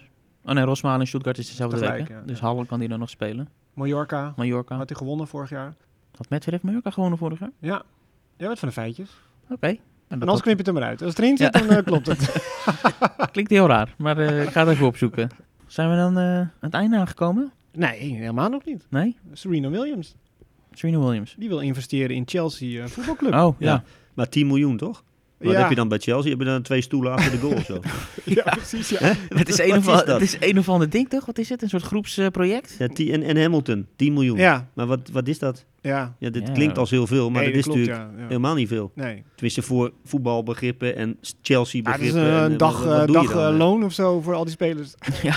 Ja, je hebt, dan, eh, je hebt dan een soort van eh, paar reservespelers die, die daar Ja. op de bank zitten, die, eh, die mag je onderhouden. Ik, ik heb geen idee wat dat, wat Nee. dat is. Nee. Ik ook niet. komt dan Misschien wil ze een vrouwenvoetbal opzetten. Het komt heel groot dit nieuws, omdat het natuurlijk Hamilton en Serena Williams zijn. Ja. Ik- nou ja, En maar daar trekt misschien weer tegelijkertijd andere denk ik van, aan, dat weet je niet. ja, het zal, maar Ja. tegelijk denk ik van, ja, wat, is, wat, wat is dat dan? Ja. Maar ze heeft ook een eh, voetbalclub in Amerika. Mhm. Eh, Angel FC. Angel FC, Dat is ja. een vrouwenvoetbalteam. Hartstikke goed. En, eh, Laat lekker gaan. Ja, ja, maar goed, ze wil wel FC. spelen op Wimbledon. ja ik hoop dat Zij ze wil spelen op Wimbledon. Ja, ze wil wel terugkomen. Maar ja, Nou, misschien dat ze dan even een bezoekje brengt aan Chelsea. ja precies. ja. Chelsea Village Hotel heb je daar. Ja. Daar kan ze mooi naartoe. En er was gedoe om de wildcards. Heb je dat meegekregen? In Madrid. Dat is IMG, geloof ik, die bepaalt het nu. En Mhm. eh, bij weinig Spanjaarden die een wildcard krijgen. Ja. Oh, omdat IMG be- bepaalt. Ja. Er zitten weinig Ja. Spanjaarden bij IMG. Ja. En Murray krijgt bijvoorbeeld een, eh een wildcard op gravel. Terwijl hij dat eigenlijk helemaal niet eh, helemaal zou overslaan. En je bent ook Davis Cup captain geweest. En zelfs in de Davis Cup heb je wildcard. Ja. Dat is ja, toch helemaal bizar? Maar dat komt nu ook door deze opzet. Ja. Ja, vroeger had je dat natuurlijk niet. Je moest gewoon bij de beste 16 landen zitten om eh, bij de, eh, in de wereldgroep te zitten. Mhm. En nu heb je inderdaad met dit systeem dat, je, eh, dat er een paar, Groot-Brittannië en Servië krijgen... paar landen geplaatst zijn. Ja. en, en, ja. Maar ik vind überhaupt, dit, ik, ik vind dit systeem niet, niet heel erg ten goede komen aan het fenomeen Davis Cup. Maar dat is mijn mening. eh. Hoe zit het nou? Eh, Ik wil die thuiswedstrijden weer zien, weet je. Want ik wil weer drie dagen lang, niet Mhm. twee, maar drie Mhm. dagen lang eh best of five wedstrijden zien. Dat maakt Ja. natuurlijk toch dat evenement super gaaf. Ja. En, en dat is gewoon weg. Ja, ik vind het echt heel jammer. Uiteindelijk, tennis is natuurlijk een reizende sport. Je bent als, als, als speler ben je natuurlijk continu de wereld over aan het reizen. En je hebt nooit jouw fans, laat maar zeggen, jouw, jouw, jouw la- landgenoten, die reizen niet met jou mee. Dus je bent altijd, eigenlijk overal ben je alleen. En dan heb je bij zo'n Davis Cup het Mhm. moment dat je voor eh, nou, heel veel landgenoten kan spelen. En dat maakt juist een evenement zo gaaf. Dat voel je ook als je daaraan deelneemt. Van, Ja. hey, eh, dit is totaal anders dan welk ander toernooi dan ook. Ja. Maar als je nu Davis Cup speelt en je speelt inderdaad in het buitenland ook nog eens een keer tegen een land wat ook daar niet vandaan komt. Ja. Hè, dat gebeurt nu ook. Ja. Ja, da- da- dan, dan voel je daar eh, veel minder bij. Ja. En nou ja, we hebben nu afgelopen paar ontmoetingen in ieder geval gezien thuis. Dat je in ieder geval weer een soort van sfeer krijgt. En dat vinden mensen mooi. En mensen vinden het natuurlijk mooi om naar de Grand Slams te kijken. Maar mensen vinden het ook mooi om in het thuisland naar een, een mooie Davis Cup ontmoeting te kijken. Tegen een ander goed land. Paul Harris noemde het beste Davis Cup team onder zijn leiding. Nou, ik heb wel ook gezegd van dit team is natuurlijk wel in de breedte een gevaarlijk team voor ieder land. Ja. Hè, wat ik net al aangaf met Botik, die is in staat om van toppers te winnen. Talon in zijn slipstream, die kan toch wel voor een behoorlijk eh, steady niveau zorgen. En dan heb je gewoon goede dubbelaars ernaast. Ja. Met Middelkoop en met eh Koolhof. Nou, en Hazen die nog in het team zit. Dus je kan, en Royer misschien, die, eh, ik weet niet in hoeverre die eh, niet meer erin zit of misschien nog wel. Maar je hebt wel in de breedte een heel sterk team. En en de meeste landen hebben één goede speler en dan even niks. Weet je wel, en wij, zijn, wij hebben niet de wereldtopper, maar we hebben wel in de breedte een heel sterk team. Ik denk voor ieder land een gevaarlijke tegenstander. Dus je kan inderdaad, je kan zomaar hoge ogen gaan Ja. gooien. Ja. En eh nou, erbij komt nog eens een keer dat we nu ook weer tegen Canada, dan speel je tegen een, een, een C-team in dit geval van Canada. Vond ik jammer als kijker. Eh, omdat je natuurlijk graag wil zien dat Botik en Talon spelen tegen Shapovalov en Aliassim. En dan winnen. Mhm. Wat ook niet eens onmogelijk is. Nee. Dat had ik natuurlijk liefst gezien. En dan gaat het helemaal leven, zo'n Ja. zo'n evenement. Ja. Maar eh, ja, inderdaad, ik, het is, eh, onder zijn leiding zal dit ongetwijfeld eh, het beste team zijn. Dat zeker, ja. En onder jouw leiding, wat was jouw beste team? Nou, het beste team waren niet de beste spelers. Oké. het beste team was destijds eh, met Sluiter, met Paul zelf, met Jan en Schenk. En, en Sluiter, die speelde, die heb ik toen laten debuteren. Die, eh, Tegen die- Spanje? tegen Spanje thuis, tegen Ferrero. Ja. Ferrero stond toen top 3 volgens mij. In ieder geval heel hoog. Was dat een tapijtbaantje? Mocht hij Nou, niet tapijt. was Het het? was gewoon wel snel, redelijk snelle indoorvloer. Hadden we zo'n mat hadden we daar neergelegd ja, in, in, in Eindhoven. En, en Raymond won dat 6-4 vijfde set. Terwijl hij 4-1 achter stond vijfde set. Het was niet eens de beste spelers. Nee, want je noemt het beste team zonder die Skycheck dus. Ja, Krajcek speelde in die tijd volop. Ja. Die zei af destijds, elleboogblessure geloof ik. Of in ieder geval, hij was met enige regelmaat geblesseerd. De vraag is maar of als hij gespeeld had en sluiten niet... of hij dan met hetzelfde resultaat was gekomen. Kijk, Ja. Op papier zou je zeggen ja, maar in de praktijk als team zijnde... Nou, er gebeurde wel wat eh, met sluiten erbij. En er gebeurde ook eh, altijd wat met Richard erbij. Dat is maar de vraag van eh, of, of dan inderdaad eh optelsom van alle beste spelers ook het beste team is. En ik vond toen, toen wij speelden, ook met Jan erbij, die, eh, die ik natuurlijk daarvoor jarenlang gecoacht had. Ja, het was wel, het was echt mooi. En, en Schenk die ging toen ook, die ging ook voelen van, hé, hey, die Davis Cup, dat vind ik nu ook ineens mooi om te spelen. Want jaren daarvoor was het meer een, echt een opgave dan, dan het mooi vinden om voor je land uit te komen. Het was echt Mhm. een opgave. Je speelde liever, liever uit dan thuis. Druk is dat dan? Nou ja, inderdaad, tuurlijk. Omstandigheden. Eh, het gevoel hebben van, hé, hey, ik ben de kopman, ik moet, ik moet dat punt sowieso binnenhalen. En men verwacht het allemaal van mij. En eh, nou ja, de een vindt dat heerlijk en de ander Mhm. eh, gaat daar toch wat anders mee om. Klopt het dat jij niet tegen hem mocht praten in de gamewissels? Nee, dat is, dat is overdreven. Dat is echt overdreven. Dus ik, ik had met hem heel duidelijk afspraken van de manier van coachen. Kijk, hij is een jongen die ook graag tijdens een wedstrijd... Ik praat wel over een tijdje terug overigens. En ik heb daar laatst nog, nog eens met hem over gehad. eh, hoe moeilijk dat voor een coach was. Hij, hij, hij zei van echt ongelooflijk hoe ik mezelf soms opstelde naar de coach toe. En naar mijn omgeving toe, Ja. wat ik van hun allemaal verwacht. Hij zei, dat kon ik eigenlijk niet maken. Maar ik voelde op dat moment gewoon dat, dat ik wilde ook met rust gelaten worden. En niet eh, dat continu iemand mij allerlei adviezen gaf of tegen me aan zat te praten. Zei, dat, daar voelde ik me gewoon helemaal niet goed bij. Mhm. En het, het gaat niet in dit geval om mij, maar het waren ook naar zijn privécoaches toe. Hè, met, met, met gewoon toernooien toe. Dus het was, dat was gewoon hoe hij als persoon in elkaar zat. Hij, eh, wilde gewoon een bepaalde rust tijdens de Mhm. wissels. Maar, en ik had door de afspraak van, hey, als je informatie wil, dan komt hij naar de coach toe. Dus hij vraagt dan, hey, wat, wat vind je daarvan? Of eh, wat kan ik nu het beste doen? Of eh, waarom loopt mijn service niet? Of naar welke kant kan ik het beste aanvallen? Of noem het allemaal maar. Mhm. En dat deed hij wel. Ja, Nou, en dan moest je natuurlijk wel met antwoorden komen. ja. Je hoeft niet zo zijn. Je denkt van, nou, ik hoef niks te zeggen, dus, dus ik hoef ook geen antwoord te geven. Nee, je moet wel alert Dus- blijven. dus ja, je moet wel alert blijven. Ja. Je moet wel continu goed die wedstrijd Ja. lezen om inderdaad de juiste antwoorden ook te geven. Maar het is een heel ander soort coaching dan ik met, eh, dan ik met Sluiter bijvoorbeeld had. Ja. Weet je, waar je, eh, nou ja, waar je continu tegenaan kon praten of mee kon praten. Niet alleen tegen, maar ook gewoon mee kon praten. En eh, wij spreken zelfs over dingen die niet eens direct op dat moment over de wedstrijd gingen. Maar gewoon, nou, die voelde zich daar heel erg prettig bij. Een heel ander soort type. Dus dat vergt dan ook op dat moment een ander soort coaching. Mhm. Maar soms moet je inderdaad jezelf eh, af en toe wat verder wegcijferen dan, eh, dan je lief hebt. Ja, is dat, was het ongemakkelijk soms? Ja, zeker. Dat, dat, bang? maar vooral moeilijk. Ja, ja. Dat, dat is ook een kwestie van timing. Van wanneer zeg je dan wat? En, eh, Ik heb natuurlijk het gevoel, ik heb wel wat te melden. Ik heb ja, echt, nou, echt- maar je, je hebt natuurlijk ook het gevoel als coach zijn dat je wat moet melden. Dat is ook Ja. het gevaar ervan. Terwijl, Om af, het melden bedoel je? nou ja, je, je zit daar anderhalve minuut. En dan heb je natuurlijk het idee van nu moet ik mijn werk doen. Nu moet ik wat melden. Maar af en toe is je mond houden ook een, een vorm van coachen. Ja. Dat hoort er ook bij. Ja. En eh, uiteindelijk gaat het om het juiste moment de juiste, juiste dingen te zeggen. Maar ook voor de beeldvorming? Of dat kon je wel... Nou, dat, Eh, dat loslaten. natuurlijk. Je, je zit daar en er staan een paar camera's op je snuffert. Ja. en, en er staan eh, in die tijd eh, heel veel mensen om je heen eh, te mee te kijken. En ook voor de tv mee te kijken. Ja, zeker in het begin schiet het wel even door je hoofd. Maar op een gegeven moment niet meer. Maar dat zijn wel allemaal factoren die natuurlijk eh, wel een rol spelen. Want die, je ziet natuurlijk heel veel coaches langs de lijn, ook met voetbal ook lopen. En heel vaak denk van, ja, voor wie doe je dat eigenlijk? Weet je wel, Ja. inderdaad, voor de beeldvorming. Of eh, Ja. heeft het nog een soort van nut? Nou ja, als, als het voor beeldvorming gaat, is het sowieso niet verstandig, lijkt mij. Maar eh, Maar goed, als je wat meer ervaring krijgt, dan kan je dat Ja, naast je neerleggen natuurlijk. Tuurlijk. En Ja. ik heb dat in die eh, jarenlang ook eh, met, met, eh, samen met Sheng ook prima gedaan. Het ging ook prima. Maar ik kan me voorstellen dat je dat als, als je er niet in zit, in zo'n proces met zo'n speler, dat je denkt van wat is daar gaande? Ja. Dat, dat kan me best voorstellen. Maar ja, dat hadden wij als relatieve buitenstaanders ook eh, soms met zijn eigen privécoaches naar hem toe. Dan Denk je, wat is daar gaande? Weet je wel, maar goed, eh, uiteindelijk gaat het erom dat die speler zo goed mogelijk presteert. En als je daaraan bij kan dragen als coach, moet je dat zeker Mhm. doen. En hoe heb jij gekeken naar het Billie Jean King Cup team? Nou ja, ik was daar, hè.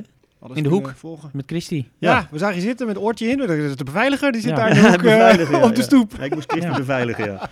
Ja, god, ja, weet je, in eerste instantie hoop je natuurlijk eh, ook weer hetzelfde. Hè. Dat speelt tegen het beste Spaanse team. Hè, die eh, Bardoza en, eh en Muguruza. Nou ja, dan denk je van nou, dat is een kansloos, eh, kansloze affaire. In ieder geval op papier. En ik denk ook op de baan. En, en vervolgens spe- spelen op gravel. Nou, ik denk dat in heel Spanje toch weinig mensen denken van... eh hey, wij spelen op de ondergrond waar wij volgens mij eh, ook groot zijn gebracht. Dus eh, dat is al bijzonder. Tegelijkertijd hebben ze, heeft Nederland daar... Dus ik, ik hoorde daar een uitleg over, wel over nagedacht. Dat ze dat ook besloten hadden nadat Muguruza af had gezegd. Nou ja, dat zal de, de, de reden Ja, zijn. Aranska Rus was Eh, leidend. Ja, dat, Want dat, die dat speelt was, ja, liever klopt, dat, op gravel dan op ja, dat was leidend. Ja. Tegelijkertijd, ja, je hebt nog te maken met andere speelsters die, die ook een steentje bij moeten dragen. En ja, dat, dat was niet, die hebben niet veel bijgedragen wat dat betreft. Dus eh, Ja. ook op de gravel niet. Dus eigenlijk na de eerste wedstrijd, toen Ja, eh, toen was het Aranska afgelopen. verloor, was het Ja, was afgelopen. Ja. Nou, dat is ook het nadeel van die dubbel, hè, bij die dames. Die spelen die vijfde wedstrijd. Ja. Ja. En dat vind ik wel, ja, ook, dat, dat maakt zo'n dubbel zo ondergeschikt. Dat hebben ze gelukkig bij die Davis Cup wel zo gehouden. eh, dat je de dubbel als derde wedstrijd hebt. Dat je in ieder geval die Ja, dubbel, ja, een soort van nou die is belangrijk. ja, een reset kan maken en een Precies. omwisseling. een Maar de dubbel is altijd Ja. belangrijk. Ja. Is altijd, Ja. heeft altijd nut. Bij de dames heeft die dubbel heel vaak geen nut. Terwijl Ja. ik denk, als, als Demi eh, Schuur speelt, dan heb je een reële kans om de punt binnen te halen. Nou ja, dan staat het in ieder geval 2-1. Weet je, Ja. nou, dan ga je weer, toch misschien iets anders weer die vierde wedstrijd en de vijfde wedstrijd. Ja, ja. Maar eh, nou, toen Arangsa verloor, ja, dan weet je al van dit wordt, eh, wordt een eh, lastig verhaal. Mhm. En dat bleek ook wel. Vond die dames eh, goed spelen. Vooral de, de, hoe heet ze? Sorry, bij Stormo? Nee, die andere. Die andere. Vond die Paris eerste, Diaz. ja, mooi. Maar je zegt, die spreekt goed uit. Maar die, heeft, die heeft een mooie voorhand. Ja, die goede voorhand. Heel goede Oh, voorhand. Echt een tennislerares noemen wij dat. Ja, een echt heel goed wij voor. Ik vond haar gewoon goed spelen. Ook, maar ook, en de tweede dag vond ik die uh, Sorribes Torbo goed spelen. Ik vond het ongelooflijk fit. Ja. Ik dacht echt van, jezus, deze meid uh, daar klaar is, dan uh, loopt ze vanmiddag nog een marathon. Weet Ja. je, zo fit. Ja, Zo zag ze eruit. Zo, zo huppelde ze ook over die baan. Ze bespreken ook de hele baan. Ja. maar zoveel, zoveel meer intensiteit en meer activiteit dan, dan uh, bij, uh, bij de overkant. En dat was, uh, vond ik En hoe kan dat dan? Is dat dan is, dat er, god, is man, dat er niet in, die Nederlanders? Of is dat coaching? Of, Nou ja, dat, ja, dat zit er denk ik op dat moment. Nee, zit er niet in. Het zijn gewoon andere types. Het zijn Ja. gewoon andere eh, figuren die, die hun sport anders beleven. Ja, hoe kan dat dan? Ja, dat is nou ook weer. eh, ik zeg altijd, van daarom worden er ook maar weer zo weinig mensen goed. Er zijn maar weinig die dat dus leveren. Maar ik zag er wel een groot verschil. mhm. Nee, ik vond die, ik vond die, meid, die Spaanse meiden echt. Eh, die stonden daar op een manier op de baan dat je denkt van ja, die stapt niet van de baan af voordat ze gewonnen heeft. Ja.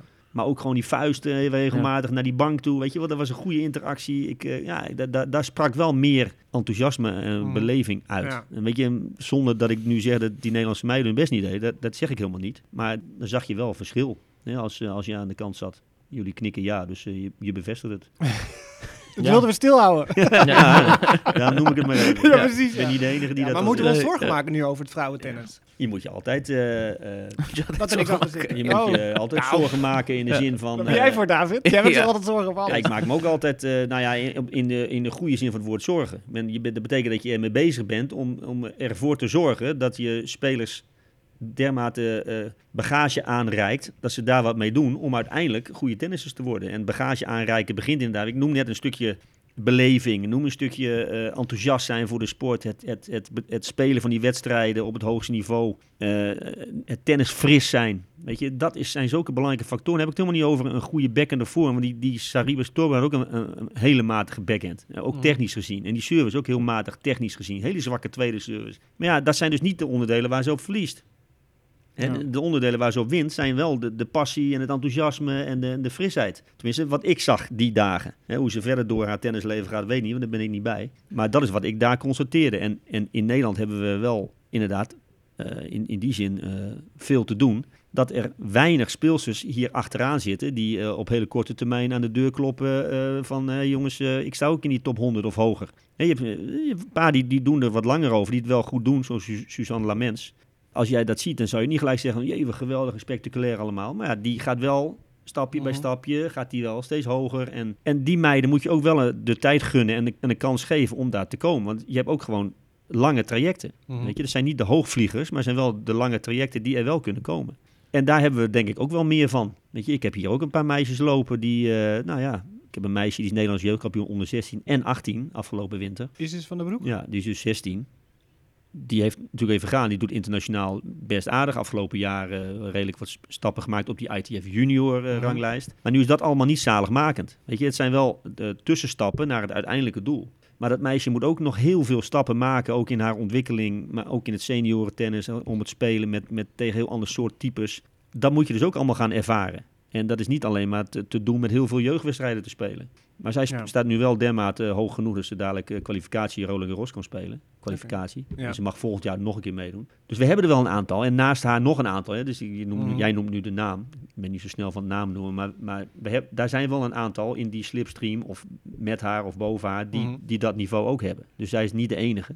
Maar hoe train je dan? Je zegt het gaat niet alleen om voorhand en backhand, maar ook om de passie, om de inzet, om de gretigheid, om het willen. Ja. Hoe kan je dat trainen dan? Of moet dat uit de persoon? Nou ja, Zit het ik, in de ik- we- het- je traint het door het zelf ook te leveren als trainer. Je kan er wel dingen verkondigen, maar als je zelf dat niet levert, ook qua eh, passie en, be- en, en bevlogenheid, dan denk ik dat dat ook niet zo sterk overkomt. Dus daar begint het mee. Uiteindelijk moet het uit de speler zelf komen. Je Ja. reikt heel veel aan, maar spelers moeten zelf beseffen van dat zij zelf die stappen moeten maken qua het gaaf vinden om tegen Jan en Alleman te spelen. En niet van, oh, ik moet tegen haar, dus vind ik het vervelend. Oh, ik moet tegen haar, oh, nu vind ik het ineens mooi. Mhm. Weet je, eh, nee, je moet gek zijn van die sport. Je moet alles aanpakken en alles willen overwinnen ook. Ja. Weet je, en nou ja, je ziet wel bij die meiden vaak, dat is wel een grappige tegenstelling vaak ten opzichte van die jongens. Die jongens die vinden, die zijn allemaal directe concurrenten van elkaar, maar die vinden het super om met elkaar te trainen. Die vinden het gaaf om met elkaar trainingswedstrijdjes te spelen. Nou, als je dat tegen die meiden zegt, die concurrenten zijn van elkaar, ga een wedstrijd spelen Mhm. daar, en dan eh, lopen ze alle twee met een zagrijnige sik naar die baan toe om een wedstrijd te spelen. Hebben er allemaal geen zin meer in. Ja, maar dat, dat tekent hoeveel je nou, wa- wa- wa- waar slaat het op? Ja. Dan denk ik van ja, hey, mooier dan de wedstrijd spelen gaat niet worden, want daarvoor ben je tennisser Ja. kan je allerlei oefeningen laten doen. En dan, dan begrijp dat je op een gegeven moment denkt van nou, daar gaan we weer. Dat kan, je, dat kan ik Mhm. begrijpen. Dan is het nog steeds heel nuttig om dat weer te doen. Maar als je zegt, hier gaan we een wedstrijd spelen, ja, dan denk ik, mooier gaat het niet worden. Weet je, en als je dat tegen jongens zegt, dan vinden ze het echt gaaf. Sterker nog, ze vragen er ook om. Ja. Maar bij die meiden is vaak zo, oh jee, dan moet ik tegen haar. In een oefenpotje. Ja, ja. Who cares? Weet je, ga spelen. Ga jezelf ontwikkelen. Dat zie je ook vaak, eh, ja, ook al in jeugdtennis, zie ik dat terug. Ik denk Van, Jezus man, je moet nog zoveel jaar en nu heb je, heb je al eh zagrijnig gekoppeld omdat je... Maar dat zeg je dan ook gewoon tegen. Natuurlijk. Ja, stel je voor dat ik dat niet zeg. Dat zie ik toch? Komt er dan verandering in op Nee. termijn? Oh, nee, ja, dat is dan even cruciaal dan. Alleen Ja. maar zorgen. Ja, alleen maar zorgen. Mijn Ja. zorgen worden groter. Jongen, jongen. Ja, Ja. Nee, maar ja, goed. Hoe, hoe groot is jouw passie nou voor die sport? En dat, dat vind ik dan vaak Nou ja, opvallend. Wat mij ook vaak opvalt is, en dat horen we ook van andere coaches, hoe weinig de jeugd toptennis volgt. Dat ze niet zitten te kijken, oh ja, zometeen speelt die en Ja. die en ik heb dan tijd en dan ga ik even naar zitten kijken. Dat, Ah, dat zo zijn heel veel dingen. echt of zo. nee, maar jij doet dat onderdeel noem je. Maar ik, wat ook een onderdeel is, wat jeugd al helemaal niet meer doet, en dat vind ik nog eigenlijk eh, eh, schrijnender, is dat ze gewoon niet zelf afspreken om te tennissen. Het zelf spelen, het zelf ontdekken, het, eh, het wij spreken eh, gewoon ja, klooien op een baan, een mini-potje spelen, het, het spelletje spelen. Gewoon eh, gaaf vinden om zonder opdrachten gewoon lekker te gaan tennissen. Dat, ja, wil- dat bestaat niet meer. Nee. Maar hoe word je nou een goede voetballer? Is door op straat te voetballen met elkaar. Hoe word je een goede tennisser? Door lekker... vroeger maken we met krijt een tennisbaan op straat. Ja, of je ging naar het tennispark en je ging met Jan allemaal tennissen. En weet ik veel, weet je. Maar het komt ook niet meer terug hoor. Daar moeten we ook wel bij Nee, neer, dat weet ik. neerleggen. Dus ik wil ook niet als oude lul klinken en Ja, alleen maar in, in het verleden praten. Vroeger is alles beter. Maar het zijn wel dingen waar wel uit blijkt dat je van de sport houdt. Want er is niemand die jou die opdracht geeft, maar je gaat het wel doen. Ja. Weet Ja. je, en je stond tegen het muurtje aan te tennissen. En, en, en dat zijn allemaal dingen waarvan ik denk van ja, Ja.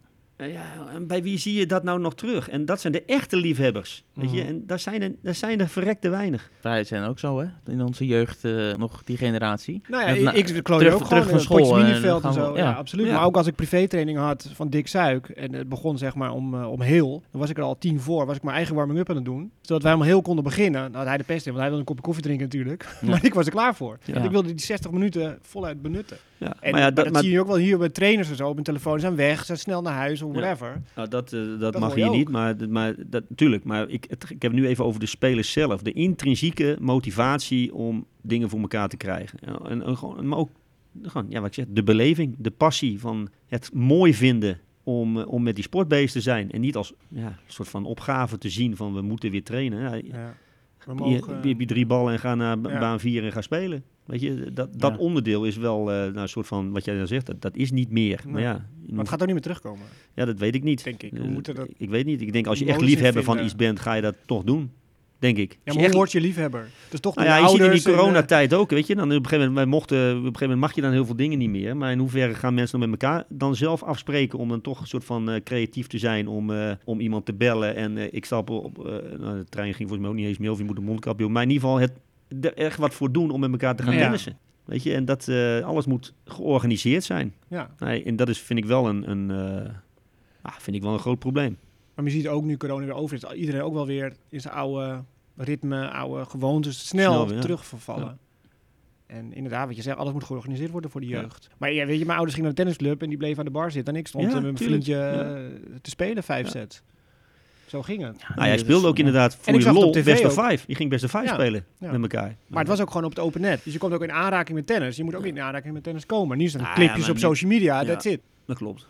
Maar goed, tegelijkertijd, als je wil, kan je nu alles opzoeken en alles zien. En eh, je kan nog veel meer zien dan, dan vroeger Ja, natuurlijk. maar het mooie is als het wordt aange dat je het per ongeluk te zien krijgt. Dat je niet in je eigen bubbeltje, want Ja, dan zit je alleen maar te zoeken op wat je zelf al leuk ja, vindt. klopt. Dat vind ik wel moeilijk. Wat een eh, vervelend einde van deze podcast. Heb je niet nog een eh, geheime bijlage ergens? We willen je bedanken voor je tijd Graag gedaan. en voor je inbreng in deze podcast. Wat brengt de dag vandaag voor jou nog meer? Nou, genoeg. Twee uur ga ik de baan op. In ieder geval tot zeven. Ja, Ja, de hele week. mooi. We gaan door. hier nog even rondkijken naar alle mooie foto's aan de wand. Ja, Een soort van museumpje wat het hier eh, Ja. op lijkt. dan wordt het een beste five eh edit sessie van mij eh, vandaag. jongen, jongen. En voor de luisteraar. Anderhalf Wordt, uur Wordt doorrennen. Anderhalf uur, ja? Oh, wauw. Ja, dan gaan we iets inkorten, denk ik. Ja, komt goed. Eh, volgende week, waar zit jij dan? Ik zit in Madrid. In Madrid? Jij zit in Parijs. Deze week ga ik naar Parijs, maar Ja. volgende week ben ik terug. Oké. Dus dan doen we hem digitaal, denk ik. Jij Sowieso. vanuit Madrid, Ja. ik vanuit Zandvoort. Tot volgende week dan.